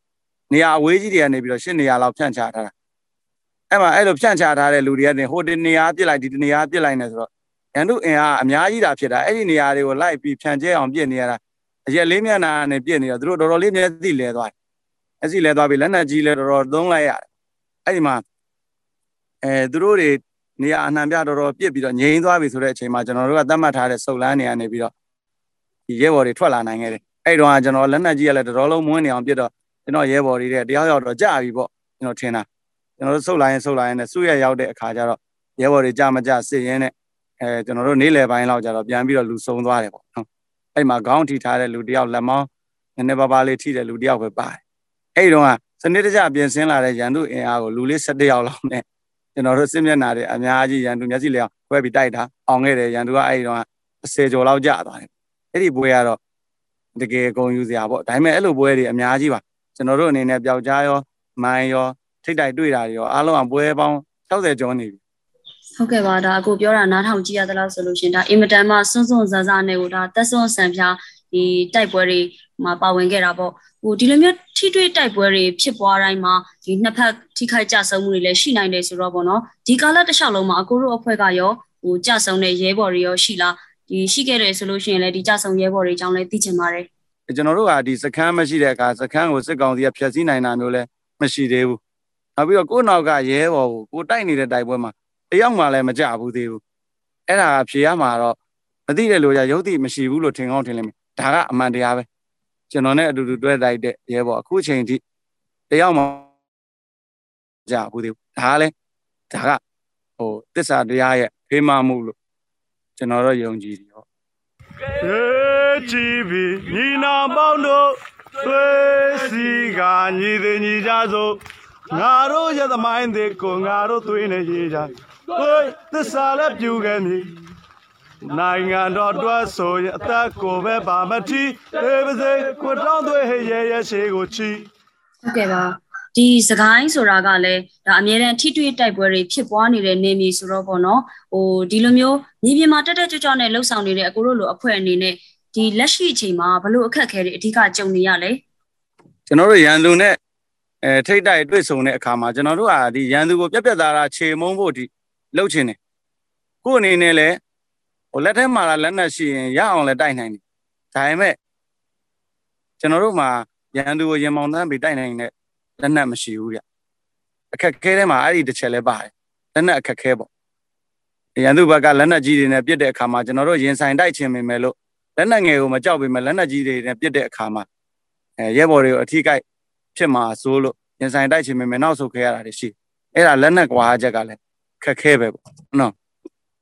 ဟုတ်ကဲ့ပါတကယ်တမ်းထိတွေ့တိုက်ပွဲတွေဖြစ်လာတယ်ဆိုလို့ရှိရင်ဒီလက်နက်ကွာဟမှုကလည်းဒါတကယ်ကိုပြဿနာပဲပေါ့ဒါပေမဲ့ဒီလိုမျိုးလက်နက်တွေမပြည့်စုံတဲ့ကြားတဲ့ကဒီအကိုတို့စကိုင်းဆိုလို့ရှိရင်ဒါစစ်ကောင်စီကိုခုခံတော်လှန်တဲ့နေရာမှာဒါလုံးဝနမေကြီးပဲပေါ့နော်ဟိုဒီတော့အခုလိုမျိုးရှောက်လန်းလာတဲ့ဒီကာလတစ်လျှောက်မှာ ဟိုပြန်ပြီးတော့သုံးသပ်ကြည့်မယ်ဆိုလို့ရှိရင်အခုအနေနဲ့ဒါဘယ်လိုခံစားရလဲစိတ်ကျေနပ်မှုအပြည့်အဝရှိတာဘယ်လိုလဲကျေနပ်တယ်ဗျကျွန်တော်တို့ကဒီလက်နက်ကိုင်းပေးအနိုင်ကျင့်တဲ့စစ်အုပ်စုကကျွန်တော်တို့ပြည်သူတွေကလေးတစားနဲ့တင်မြှောက်ထားတဲ့အစိုးရကိုဖြုတ်ချပြီးတော့ကျွန်တော်တို့ခံစားခြင်းတဲ့ဒီမိုကရေစီကိုလည်းဖျက်ဆီးလိုက်တယ်အခုချိန်ထိလွတ်လပ်ရေးမရသေးဘူးအဲ့ဒီလွတ်လပ်ရေးပေါ့ကျွန်တော်တို့လိုချင်တဲ့ဒီမိုကရေစီကျွန်တော်တို့လိုချင်တဲ့ပန်းနိုင်စီကိုပြန်သွားဖို့ဘယ်နိုင်ငံမှ မကူပါသေးအဲကို့မှာရှိတဲ့စူးစီးညီညွတ်မှုနဲ့ရဲရဲမှုတွေကိုစုပေါင်းအသုံးချမယ်ဆိုရင်ဒီလောက်ဒီလောက်အင်အားလေးနဲ့တောင်ရန်သူကိုဒီလောက်ခုခံတွန်းလှန်နိုင်ပြီးတော့ကျွန်တော်တို့လိုချင်တဲ့ပန်းနိုင်ကိုဟောခံစားလို့ရအောင်ကျွန်တော်တို့သွားကျင်တဲ့ပန်းနိုင်နန်းကိုချင်းကပ်နိုင်အောင်ကျွန်တော်တို့လှုံ့ဆော်နိုင်တဲ့အနေအထားတွေကိုတွေ့ရတယ်ပြည်သူလူထုကိုလည်းရှေ့ကနေပြီးတော့ဒီလိုမျိုးအခြေအနေမှာဒီလိုမျိုးပဲရင်ဆိုင်ကြရမယ် အဲလက်တွေလည်းကျွန်တော်တို့ကိုယ်တိုင်လည်းဒီအသက်အိုးအိမ်စည်းစိမ်တွေကိုစွန့်ပြီးတော့ဒီလိုလုပ်တယ်ဒီလိုလုပ်တဲ့အတွက်ဒီလိုအောင်မြင်မှုတွေရတယ်ဆိုတာလည်းလမ်းပြနိုင်တဲ့အတွက်အဲ့ဒါတွေနဲ့ပတ်သက်ပြီးတော့လည်းကျင့်နှံ့မိတချို့နေရာတွေဂူးဆိုင်နော်ခန်းနေရေမဆိုသေးနဲ့ဟဲ့အပလဲ PDF ပြဲပေါ်ကျွန်တော်တို့စစ်ကြောင်းထွက်နေတာဖြစ်ပါတယ်ဟုတ်ကဲ့ပါဒါဆိုရင်တော့နောက်ဆုံးအနေနဲ့ပေါ့နော်ဒီပြည်သူတွေကိုပြောချင်တဲ့အခုရဲ့ရှင်တဲ့ရစကားတွေကိုလည်းပြောပြပါဦးဟုတ်ပြည်သူတွေကိုပြောချင်တဲ့ရင်တဲ့စကားဆိုရင်ပြည်သူဆိုရင်တော့ ဒါကျွန်တော်အမြင်ကအောက်ခြေလူဒန်းသားနေပြီးတော့အုပ်ချုပ်သူလူဒန်းသားအထိအားလုံးကိုကျွန်တော်ပြည်သူလို့ခြုံပြီးတော့တွေးရမှာအဲ့ဒါကျွန်တော်ဗာပြောချင်လဲဆိုတော့အခုနောက်ပိုင်းမှာလဲကျွန်တော်နီးစပ်ရာပြည်သူတွေကိုလည်းကျွန်တော်ရောက်လေရာနေရာမှာအမြဲတမ်းပြောတယ်ကျွန်တော်တို့ကဒေါ်လန်ရေးကဒေါ်လန်ရေးလောက်ရတဲ့ဒီနိုင်ငံဒီလိုဟိုစုပ်ပြတ်တက်သွားတဲ့အကြောင်းအရင်းကတကယ်တမ်းတော့စစ်ကောင်စီတွေအာဏာရှင်တွေကြောင့်ရေလို့လဲမဟုတ်ဘူးတကယ်တမ်းတော့မယိုးသားမှုတွေထွန်းကားလာလို့ကျွန်တော်တို့နိုင်ငံအဲ့တော့ အားလုံးကရိုးသားကြပါရဲရင်ထက်မြက်ဖို့ရကြိုးစားကြပါနောက်ပြက်ပြက်သားသားရက်တည်ဖို့အလေးကျင့်လုပ်ပါနောက်တာဝန်ယူလို့စိတ်တာဝန်ခံလို့စိတ်ကိုလိုချင်တဲ့အရာကိုကိုယ်တိုင်ရယူမယ်ဆိုတဲ့ပြတာဝန်သိတဲ့ပြည်သူတွေဖြစ်အောင်ကြိုးစားကြပါလို့ဒါပဲကျွန်တော်တော့ပြောချင်ပါ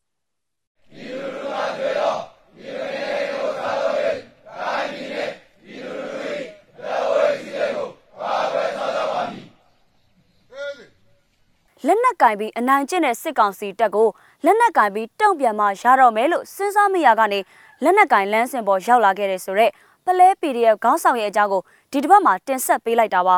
ခက်ခဲကြမ်းတမ်းပြီးတော့အသက်တွေရင်းထားရတဲ့လက်နက်ကင်တော်လန်ရေးခရီးလမ်းကိုရှောက်လန်းနေရပေမဲ့လည်းညင်းညူတာမရှိဘဲတော်လန်ရေးစိတ်သက်ခိုင်မာတဲ့ဘုံနဂါကို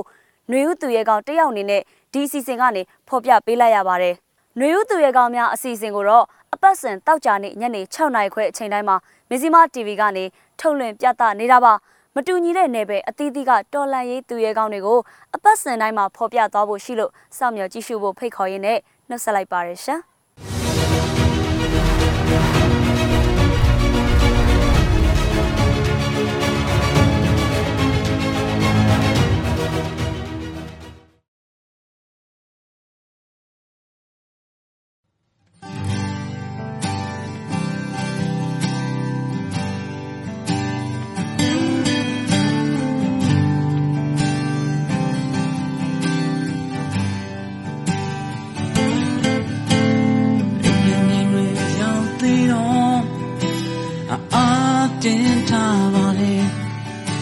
မဆုံးတော့ကြပြီနောင်ကြိုးရဲ့အမွေသက်လေးတွေလေအစင်ပြေပါစေစူတောင်းရင်အနိကြမြို့ပြရဲ့အဝေးမှာယုံကြည်ရာကိုပွေးဖတ်ထားအနေရဲ့မိကြကစားကိုရှေ့ဆက်သွား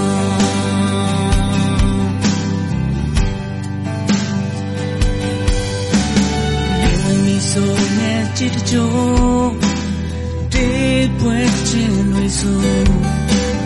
မောင်မေလွန်ရဲ့ကဆိုရဲ့အသက်တကြိုးရင်ဒီလိုအစမပြေတာတွေမတည်ရင်နီလာတော်ရမြတ်တာမောဒူနီယာရီဆွဲကိုက်တာ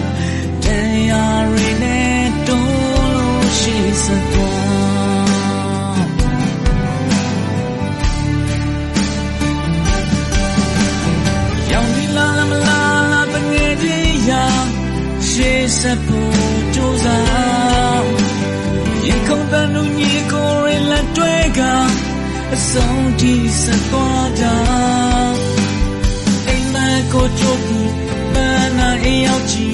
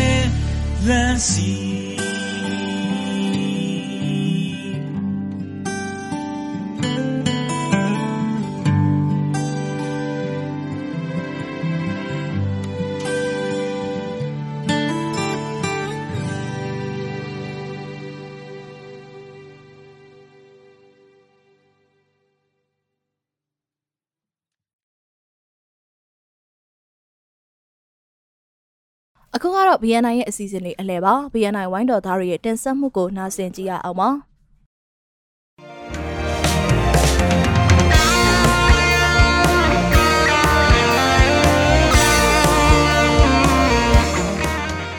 မင်္ဂလာပါရှင်နိုင်ငံတကာမြန်မာသတင်း BNN ရဲ့ဒီကနေ့ဇန်နဝါရီလ2ရက်နေ့အတန်လွင့်အစီအစဉ်တွေကိုစတင်နေပါပြီဒီအစီအစဉ်ကတော့တိုင်းသားဒေသတွေထဲကသတင်းတွေတိုင်းသားတွေရဲ့အတန်နဲ့အမြင်တွေကိုစုစည်းတင်ဆက်ထားတာဖြစ်ပါတယ် နေ့စဉ်မြန်မာစံတော်ချိန်ညနေ9:15မိနစ်ကနေ9:00ခွဲအထိလိုင်းတူ16မီတာ19.3 MHz မှာဖမ်းယူနားထောင်နိုင်ပါတယ်ကျွန်မကအမီပါ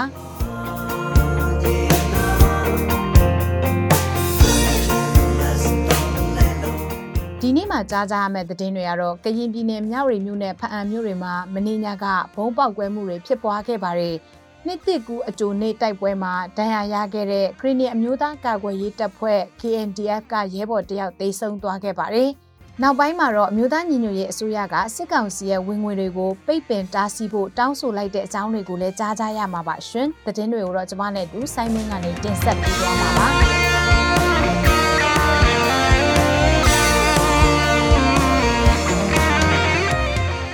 ကရင်ပြည်နယ်မြဝတီမြို့မှာမင်းည9နိုင်လောက်ကလက်လုံမိုင်းတလုံးပေါက်ကွဲခဲ့တယ်လို့ဒေတာခန်တွေကပြောပါတယ်။မိုင်းပေါက်ကွဲမှုဟာရွှေမျိုးဝင်ဖျားကြီးမီးပွိုင်းရင်ထင်းယုံနာမှာဖြစ်ပြီးမြဝတီရဲစခန်းခရိုင်ထွေအုပ်ယုံစားတဲ့ဌာနဆိုင်ရာယုံတွေနဲ့ကိုက်90လောက်တောင်ဝေးပါတယ်။မိုင်းပေါက်ကွဲမှုကထွက်ပေါ်လာတဲ့အတန်ဟာတော်ကိုကျဲလောင်တာမို့မြို့အစွန်ဖျားကအထိကြားရတယ်လို့မြို့ခံတွေကပြောပါတယ်။ ရက်ကွက်အုပ်ချုပ်ရေးမှုယုံနဲ့နီးစပ်သူကတော့မိုင်းပေါက်ကွဲမှုကြောင့်လူထိခိုက်ဒဏ်ရာရတာမရှိဘူးလို့ပြောပါတယ်။အလားတူပဲညခုနိုင်လောက်ကကရင်ပြည်နယ်ဖာမြို့အမှတ်၄ရက်ကွက်ပြည်တွင်းအခွင့်ဦးစီးယုံနောက်ဘက်ဘုံနှလုံးပေါက်ကွဲခဲ့ပါတယ်တဲ့အဲ့ဒါကလည်းပြည်နယ်အဆင့်ဌာနဆိုင်ရာရုံးတွေခြေဆိုင်တဲ့နေရာနားမှာပေါက်ကွဲခဲ့တာဖြစ်ပါတယ်။ကရင်ပြည်နယ်မြဝတီမြို့အမှတ်9ရပ်ကွက်မှာရှိတဲ့ကရင်မြို့သားထာဝရနှစ်တကူကွင်းမှာတော့2960တနှစ်မြောက်ကရင်မြို့သားနှစ်တကူနှစ်ကိုအကျဉ်းယုံကျင်းပခဲ့ကြပါတယ်။ မြရီမျိုးတောင်ဘက်မှာရှိတဲ့၄ကီကောဒေသကတိုက်ပွဲတွေကြောင့်ဒေသခံပြည်သူစစ်ပေးရှောင်နေတဲ့ကာလအတွင်းစစ်ကောင်စီတပ်ကလူနေအိမ်တွေအတွင်းမှာရှိတဲ့အိမ်သုံးဆောင်ပစ္စည်းတွေကားနဲ့ဆိုင်ကယ်အများပြားကိုယူဆောင်သွားခဲ့တယ်လို့နေရက်ကိုပြန်ကြည့်ကြတဲ့ပြည်သူတချို့ကပြောပါတယ်ဒီဇင်ဘာလ15ရက်နေ့ကစတင်ခဲ့တဲ့တိုက်ပွဲတွေကြောင့်လီကေကောထီမဲဝါခီပဟိကလောစတဲ့ကျေးရွာတွေမှာနေထိုင်ကြတဲ့ပြည်သူတွေဟာစစ်ဆောင်နေတဲ့ကာလအတွင်းမှာသူတို့ရဲ့နေအိမ်တွေကတော့ စစ်ကောင်စီတပ်တွေကပြစ်ခတ်နေတဲ့လက်နက်ကြီးတွေထိမှန်ပျက်စီးခဲ့တာတွေရှိပါတယ်။ဒါတင်မကပါဘူးနေအိမ်တွေထဲမှာရှိနေတဲ့အတုံးဆောင်ပစ္စည်းတွေကိုစစ်ကောင်စီတပ်ဖွဲ့တွေကဖောက်ထွင်းယူဆောင်သွားတာတွေနေအိမ်ခြံဝင်းတွင်းမှာထားရှိတဲ့ကားဆိုင်ကယ်စတာတွေကိုစစ်ကောင်စီတပ်တွေကယူဆောင်သွားတာတွေရှိနေတယ်လို့နေရက်ပြန်တဲ့စစ်ဆောင်တွေကပြောပါတယ်။ပစ္စည်းတွေကိုယူသွားရုံတင်မကပဲမယူနိုင်တဲ့ပစ္စည်းတွေဖြစ်တဲ့ရေခဲတစ်တာတွေဘီယိုတွေ ပြိဘောကပစ္စည်းတွေကိုရိုက်ချိုးဖျက်ဆီးသွားကြတယ်လို့နေအိမ်ပြန်ခဲ့တဲ့စစ်ဆောင်တယောက်ကပြောပါတယ်။စစ်ကောင်စီတပ်ဖွဲ့တွေကနေအိမ်တွေထဲကစားတောက်ဆရာတွေနဲ့အိမ်မွေးတိရစ္ဆာန်တွေကိုလည်းခိုးယူတပ်ဖြတ်စားတောက်ခဲ့သေးတယ်လို့ထီးမဲ့ဝါခီရွာကစစ်ဆောင်မျိုးသမီးတယောက်ကဆက်ပြောပါတယ်။ KNU ကရင်မျိုးသားအစည်းအရုံးတပ်မဟာ6နေမြေအတွင်းမှာရှိတဲ့လေးကီကောထီးမဲ့ဝါခီပဟိကလောကျေးရွာတွေကို ဂျပန်နိုင်ငံနီပွန်ဖောင်ဒေးရှင်းရဲ့အကူအညီနဲ့အရင်နာအဖစစ်အစိုးရလက်ထက်စစ်ပွဲတွေကြောင့်စစ်ဘေးရှောင်နေရတဲ့ပြည်သူတွေပြန်လည်အခြေချနေထိုင်ဖို့ဆောက်လုပ်ထားတာဖြစ်ပါတယ်။ DNI Radio ကသတင်းတွေကိုတင်ဆက်ပေးနေတာဖြစ်ပါတယ်။နေ့စဉ်မြန်မာစံတော်ချိန်ညနေ9:15မိနစ်ကနေ9:00ခွဲအထိ line to 16မီတာ19.3 MHz မှာဖမ်းယူနားထောင်နိုင်ပါတယ်။ ရခိုင်ပြည်နယ်မှာရှိတဲ့နန္ဒာကျွန်းကိုမြို့တုံးလူအန္တရာယ်ရှိတဲ့ငှက်တွေအပါအဝင်ဆောင်းခုငှက်တွေတောင်းနဲ့ချီလာရောက်ခဲ့တာမို့အရင်နှစ်တွေကထက်များပြားတယ်လို့ရခိုင်စီဝမျိုးစုံမျိုးကွဲနဲ့တဘာဝပတ်ဝန်းကျင်ထိန်းသိမ်းရေးအဖွဲ့ကပြောပါတယ်ဒီနှစ်မှာရေညောင်းနှုတ်ဝိုင်းကလွဲလို့ငှက်တွေစုံတယ်လို့ရခိုင်စီဝမျိုးစုံမျိုးကွဲနဲ့တဘာဝပတ်ဝန်းကျင်ထိန်းသိမ်းရေးအဖွဲ့ဥက္ကဋ္ဌကိုရန်အောင်စိုးကပြောပါတယ် ဒီဇင်ဘာ20လောက်ကလေးကတောင်းနဲ့ချီတဲ့ငှက်တွေကစုံနေပြီလို့သူကပြောပါတယ်ရခိုင်မှာရှိတဲ့နန္ဒကျွန်းကိုနိုင်ငံတကာကရေဝတ်ဒေတာထိမ့်သိမ့်တဲ့နေမြေလို့တတ်မှတ်ထားပါတယ်ဒီနှစ်ဆောင်းခိုဖို့လာရောက်တဲ့ငှက်တွေထဲမှာတကဘာလုံးကမျိုးတုံးလူနီးပါးဖြစ်နေတဲ့ကပအရှားပါဆုံးရေညောင်နှုတ်ဝိုင်းငှက် spoon bill sandpiper နှုတ်တူရှင်ငှက်စတဲ့ရွှေပြောင်းမျိုးစိတ်တွေကဌာနေမျိုးစိတ်တွေပါပါတယ်လို့ဆိုပါတယ် ရွှေပြောင်းမျိုးစိတ်တွေကဌာနေမျိုးစိတ်တွေပါပါတယ်လို့ဆိုပါတယ်။နန္ဒကျွန်းဟာရေမီဧက2300နီးပါးကျယ်ဝန်းပြီးစစ်တွေမြို့နယ်ရဲ့အနောက်မြောက်ဖက်10မိုင်အကွာမြေရုမြစ်ဝနဲ့ဘင်္ဂလားပင်လယ်အော်ကြားရတဲ့တောင်မြို့နယ်အပိုင်းမှာတည်ရှိပါတယ်။ကပနန့်ပြားကနေရေဝတ်ဒေတာကိုထိန်းသိမ်းကာကွယ်ဖို့အတွက်ဖွဲ့စည်းထားတဲ့ရမ်ဆာအဖွဲ့ရဲ့ရေဝတ်ဒေတာထိန်းသိမ်းရေးနယ်မြေအဖြစ်2020ပြည့်နှစ်မေလ21ရက်နေ့ကတတ်မှတ်ခံထားရပါတယ်။ လိုက်ကော်မြို့ဒုတ်ခုရက်ကွက်စုပေါင်းခရိုင်ရုံးအတွင်းမှာရှိတဲ့ကင်းဘုံကိုဂရင်းနီပျောက်ကြားညီနောင်သုံးဖွဲ့ကမနေ့ညကပြစ်ခတ်တိုက်ခိုက်ခဲ့တာမှာစစ်ကောင်စီဘက်က3ယောက်သေဆုံးခဲ့တယ်လို့ဂရင်းနီကာကွယ်ရေးအဖွဲ့ KDF ကဒီကနေ့မှထုတ်ပြန်ထားပါတယ်။ညီနောင်ပျောက်ကြားသုံးဖွဲ့ဖြစ်တဲ့ Green Democratic တပ်ဦး KDF, JPDF, GZ21 တို့က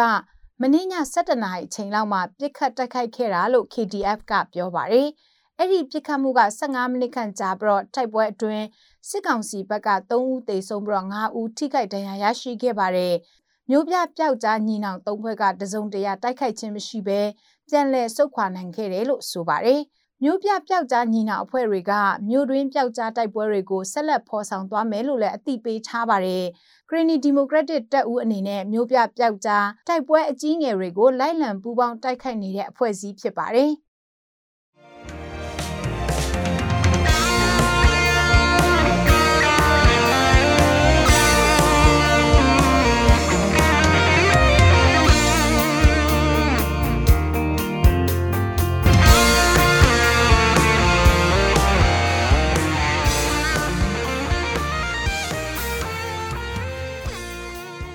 ခုသတင်းလွှာတွေကိုဆက်လက်တင်ဆက်ပေးပါမယ်။အမျိုးသားညီညွတ်ရေးအစိုးရ NUG ကိုအတိမတ်ပြုထောက်ခံပြီးစစ်ကောင်စီကိုညှင်းပယ်ဖို့အပါအဝင်စစ်ကောင်စီရဲ့လက်နက်ဝယ်ယူရေးနဲ့ဝင်ငွေလမ်းကြောင်းတွေကိုဖျက်တောက်ပေးဖို့ NUG ယာယီသမရဒူဝါလရှိလာကနိုင်ငံတကာအတိုင်းဝိုင်းကိုတောင်းဆိုလိုက်ပါတယ်။ဒီအကြောင်းကိုတော့သတင်းနဲ့မီဒီယာကွန်ရက်သတင်းဌာနကကိုအောင်နိုင်ကတင်ဆက်ပေးထားပါတယ်ရှင်။2021ခုနှစ်ဒီဇင်ဘာလ31ရက်နေ့ညကပြည်သူတွေကိုပြောကြားခဲ့တဲ့နှစ်သစ်မိန့်ခွန်းထဲမှာ ယာယီသမရဒူဝါလရှိလာကနိုင်ငံတကာအတိုင်းဝိုင်းကိုတောင်းဆိုလိုက်တာဖြစ်ပါတယ်။နိုင်ငံတကာအတိုင်းဝိုင်းနဲ့စစ်အာဏာရှင်တွေရဲ့အသက်သွေးကြောဖြစ်တဲ့စီးပွားရေးလုပ်ငန်းတွေကိုတန်ခတ်ပိတ်ဆို့ကြပါအထူးသဖြင့်တဘာဝတန်ငွေနဲ့ငွေကြေးလွှဲပြောင်းမှုအပါအဝင်သူတို့ရဲ့ဝင်ငွေလမ်းကြောင်းတွေကိုဖျက်တောက်ပေးကြပါ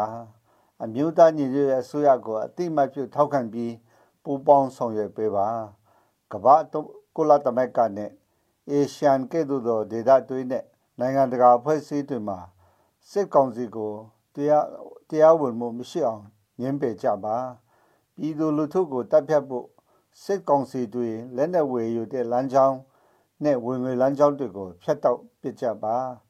မြို့သားညီညွတ်ရေးအစိုးရ NUG အနေနဲ့စစ်ကောင်စီရဲ့ညှဉ်းပန်းတပ်ဖြတ်ခြင်းကိုခံရတဲ့ပြည်သူတွေကိုကာကွယ်ဖို့အတွက်နိုင်ငံတကာဥပဒေနဲ့လူခွင့်ရေးတွေကိုလိုက်နာကျင့်သုံးဖို့ တန်ဒိဋ္ဌံချထားပြီးဖြစ်တဲ့အတွက်နိုင်ငံတကာအတိုင်းအဝန်းက NUG အစိုးရကိုထောက်ခံတိမှတ်ပြုပေးဖို့ NUG ကတောင်းဆိုထားပါတယ်။ဒါအပြင်စစ်အာဏာသိမ်းပြီးတဲ့နောက်နိုင်ငံတော်ဝန်ဖြစ်ပေါ်လာတဲ့စီးရေးပဋိပက္ခတွေကြောင့်ထွက်ပြေးတင်းရှောင်နေရတဲ့ပြည်သူတွေအတွက်နိုင်ငံတကာကလူသားချင်းစာနာမှုတွေနဲ့နေဆက်ဖြတ်ကျော်ကူညီမှုတွေကိုပေးဖို့ NUG ယာယီသမရကနိုင်ငံတကာကိုနှစ်သိမ့်မိန်ခွန်းထဲမှာထည့်သွင်းတောင်းဆိုထားပါတယ်။တချိန်တည်းမှာပဲစစ်အာဏာရှင်တွေကြောင့် ဦးပစ်အင်ပစ်ထွက်ပြေးနေကြရတဲ့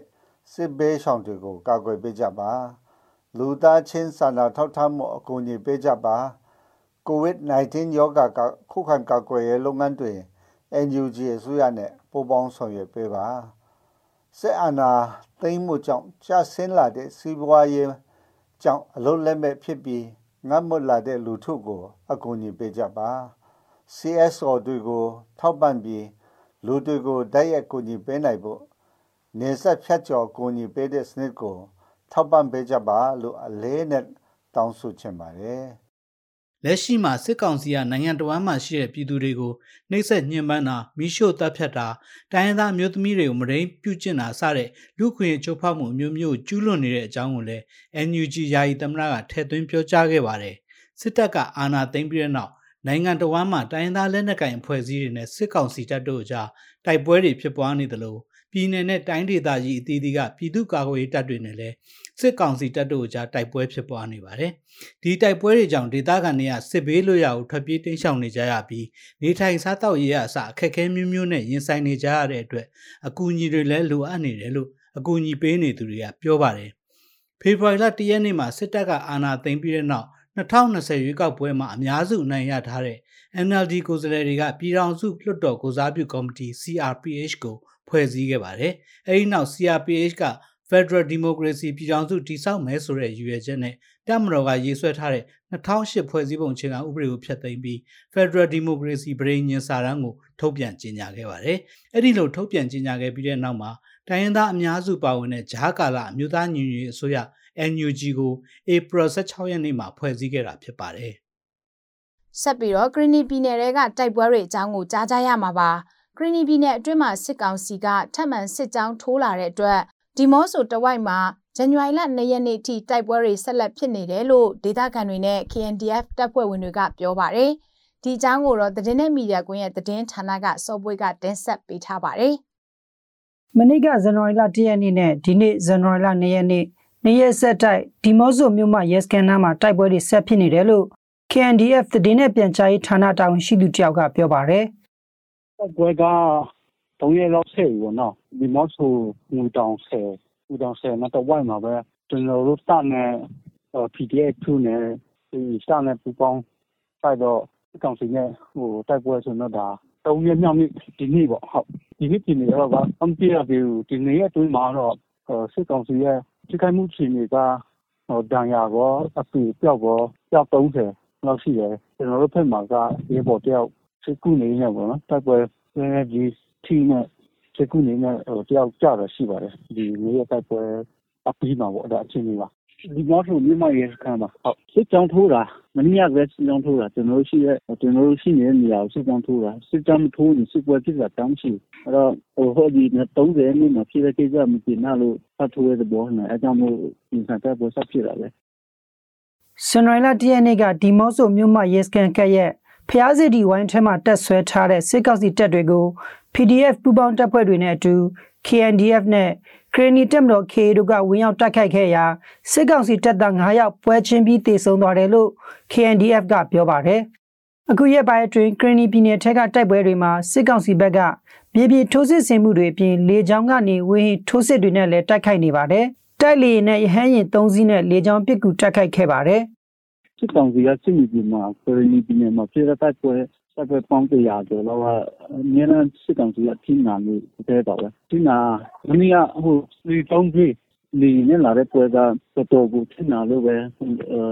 ဒီပြင်ဒီပြင်မှာနိုင်လို့ဝင်ပါတော့တဲ့စစ်နေပြီးရောက်ရောက်တယ်ပေါ့လေဒါကဖြစ်ရှင်းနေပါပဲထိနာလို့ဘလို့မှမနိုင်တော့လို့လင်းနဲ့ တုံးတာပါပဲဖြေရှင်းနေပါတိုက်ပွဲအတွင်းစစ်ကောင်စီတပ်ဘက်ကထိနာနေတဲ့အတွက်တိုက်လျင်ဟဲ့ရင်တွေနဲ့လေကြောင်းပစ်ကူတိုက်ခိုက်ခဲ့တာလို့ KNDF ကဆိုပါတယ်ဒီဇင်ဘာလ31ရက်နေ့တုန်းကဒီမော့ဆိုမြို့ငွေတောင်ဆယ်အနီးနဲ့မြို့မရဲစကန်တို့မှာတက်ဆွဲထားတဲ့စစ်ကောင်စီတပ်တွေကိုကရီနီတက်မတော် KA KNDF နဲ့ PDF ပူးပေါင်းတပ်ဖွဲ့တို့ကပူးပေါင်းတိုက်ခိုက်ခဲ့ပါတယ် ငွေတောင်ဆယ်ပေါင်နီးရှိပြည်အောင်ရတနာစီဆိုင်အဆောက်အုံကိုဂရနီပူမောင်းတပ်ဖွဲ့တွေကပိတ်ဆို့တိုက်ခိုက်ခဲ့တဲ့အတွက်စစ်ကောင်စီဘက်ကအယောက်30လောက်ထိခိုက်ကြဆုံးမှုရှိတယ်လို့ KNDF ကပြောပါတယ်စစ်ကောင်စီတပ်ရင်းတွေကလက်နက်ကြီးတွေဆက်မပြတ်ပစ်ခဲ့တဲ့အတွက်ဂရနီပူပေါင်းတပ်ဖွဲ့ကရဲဘော်တဦးဒဏ်ရာပြင်းထန်ခဲ့ပြီးနောက်စေကူတနေရင်တည်ဆုံသွားခဲ့ပါတယ်နောက်ပြီးရဲဘော်တချို့လည်းထိခိုက်ဒဏ်ရာရရှိတာတွေရှိခဲ့ပါတယ်တိုက်ပွဲတွေဟာဒီမော့ဆိုမြို့နယ်ထီပွေကန်နားမှာလည်းဖြစ်ပွားခဲ့ပါတယ် ဒါအပြင်ဖရူဆိုမြို့နယ်ထီတော်တနီးရွာနဲ့လော်တော်တနောရွာနာမှာဒီဇင်ဘာလ30ရက်နေ့နေ့လယ်12နာရီအချိန်မှာစစ်ကောင်စီတပ်တွေကိုဂရနီတက်မတော် KA နဲ့ KNDF တို့ကတိုက်ခိုက်ခဲ့တယ်လို့ KNDF ကထုတ်ပြန်ထားပါတယ်။အဲ့ဒီတိုက်ပွဲက3နာရီနီးပါးကြာမြင့်ခဲ့ပြီးစစ်ကောင်စီတပ်ဘက်က3ဦးသေဆုံးခဲ့တယ်လို့ KNDF ကဆိုပါတယ်။ဒီဇင်ဘာလ30ရက်နေ့ကနေဒီနေ့ဇန်နဝါရီလ2ရက်နေ့အထိ၄ရက်ဆက်တိုက်တိုက်ပွဲတွေဖြစ်ပွားနေပါတယ်။ ဒီမော့ဆိုရိုက်ကောဖရူဆိုမြို့နယ်တွေထဲတိုက်ပွဲတွေဖြစ်ပွားနေပြီးစစ်ရေးအရှိန်မြင့်လာမဲ့အခြေအနေတွေကြောင့်ပြည်သူတွေအနေနဲ့ခီးသွွာလာတာတွေမလုပ်ကြဖို့ KNDF ကထုတ်ပြန်ထားပါတယ်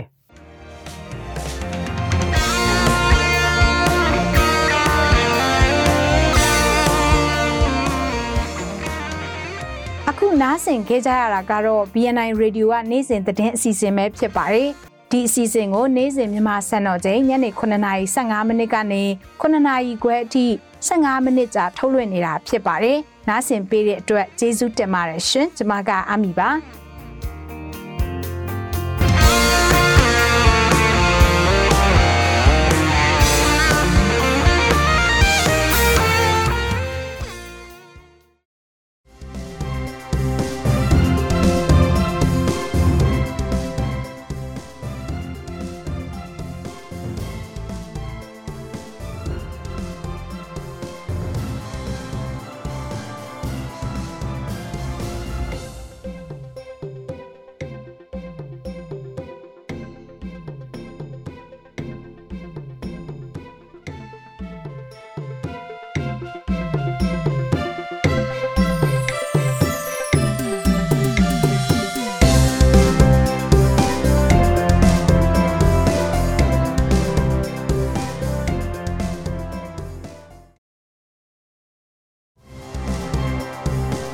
မတို့ရဲ့မြစီမရေဒီယိုကိုနေ့စဉ်ည6နာရီခွဲမှည9နာရီခွဲထိလိုင်းဒိုမီတာ16မီတာ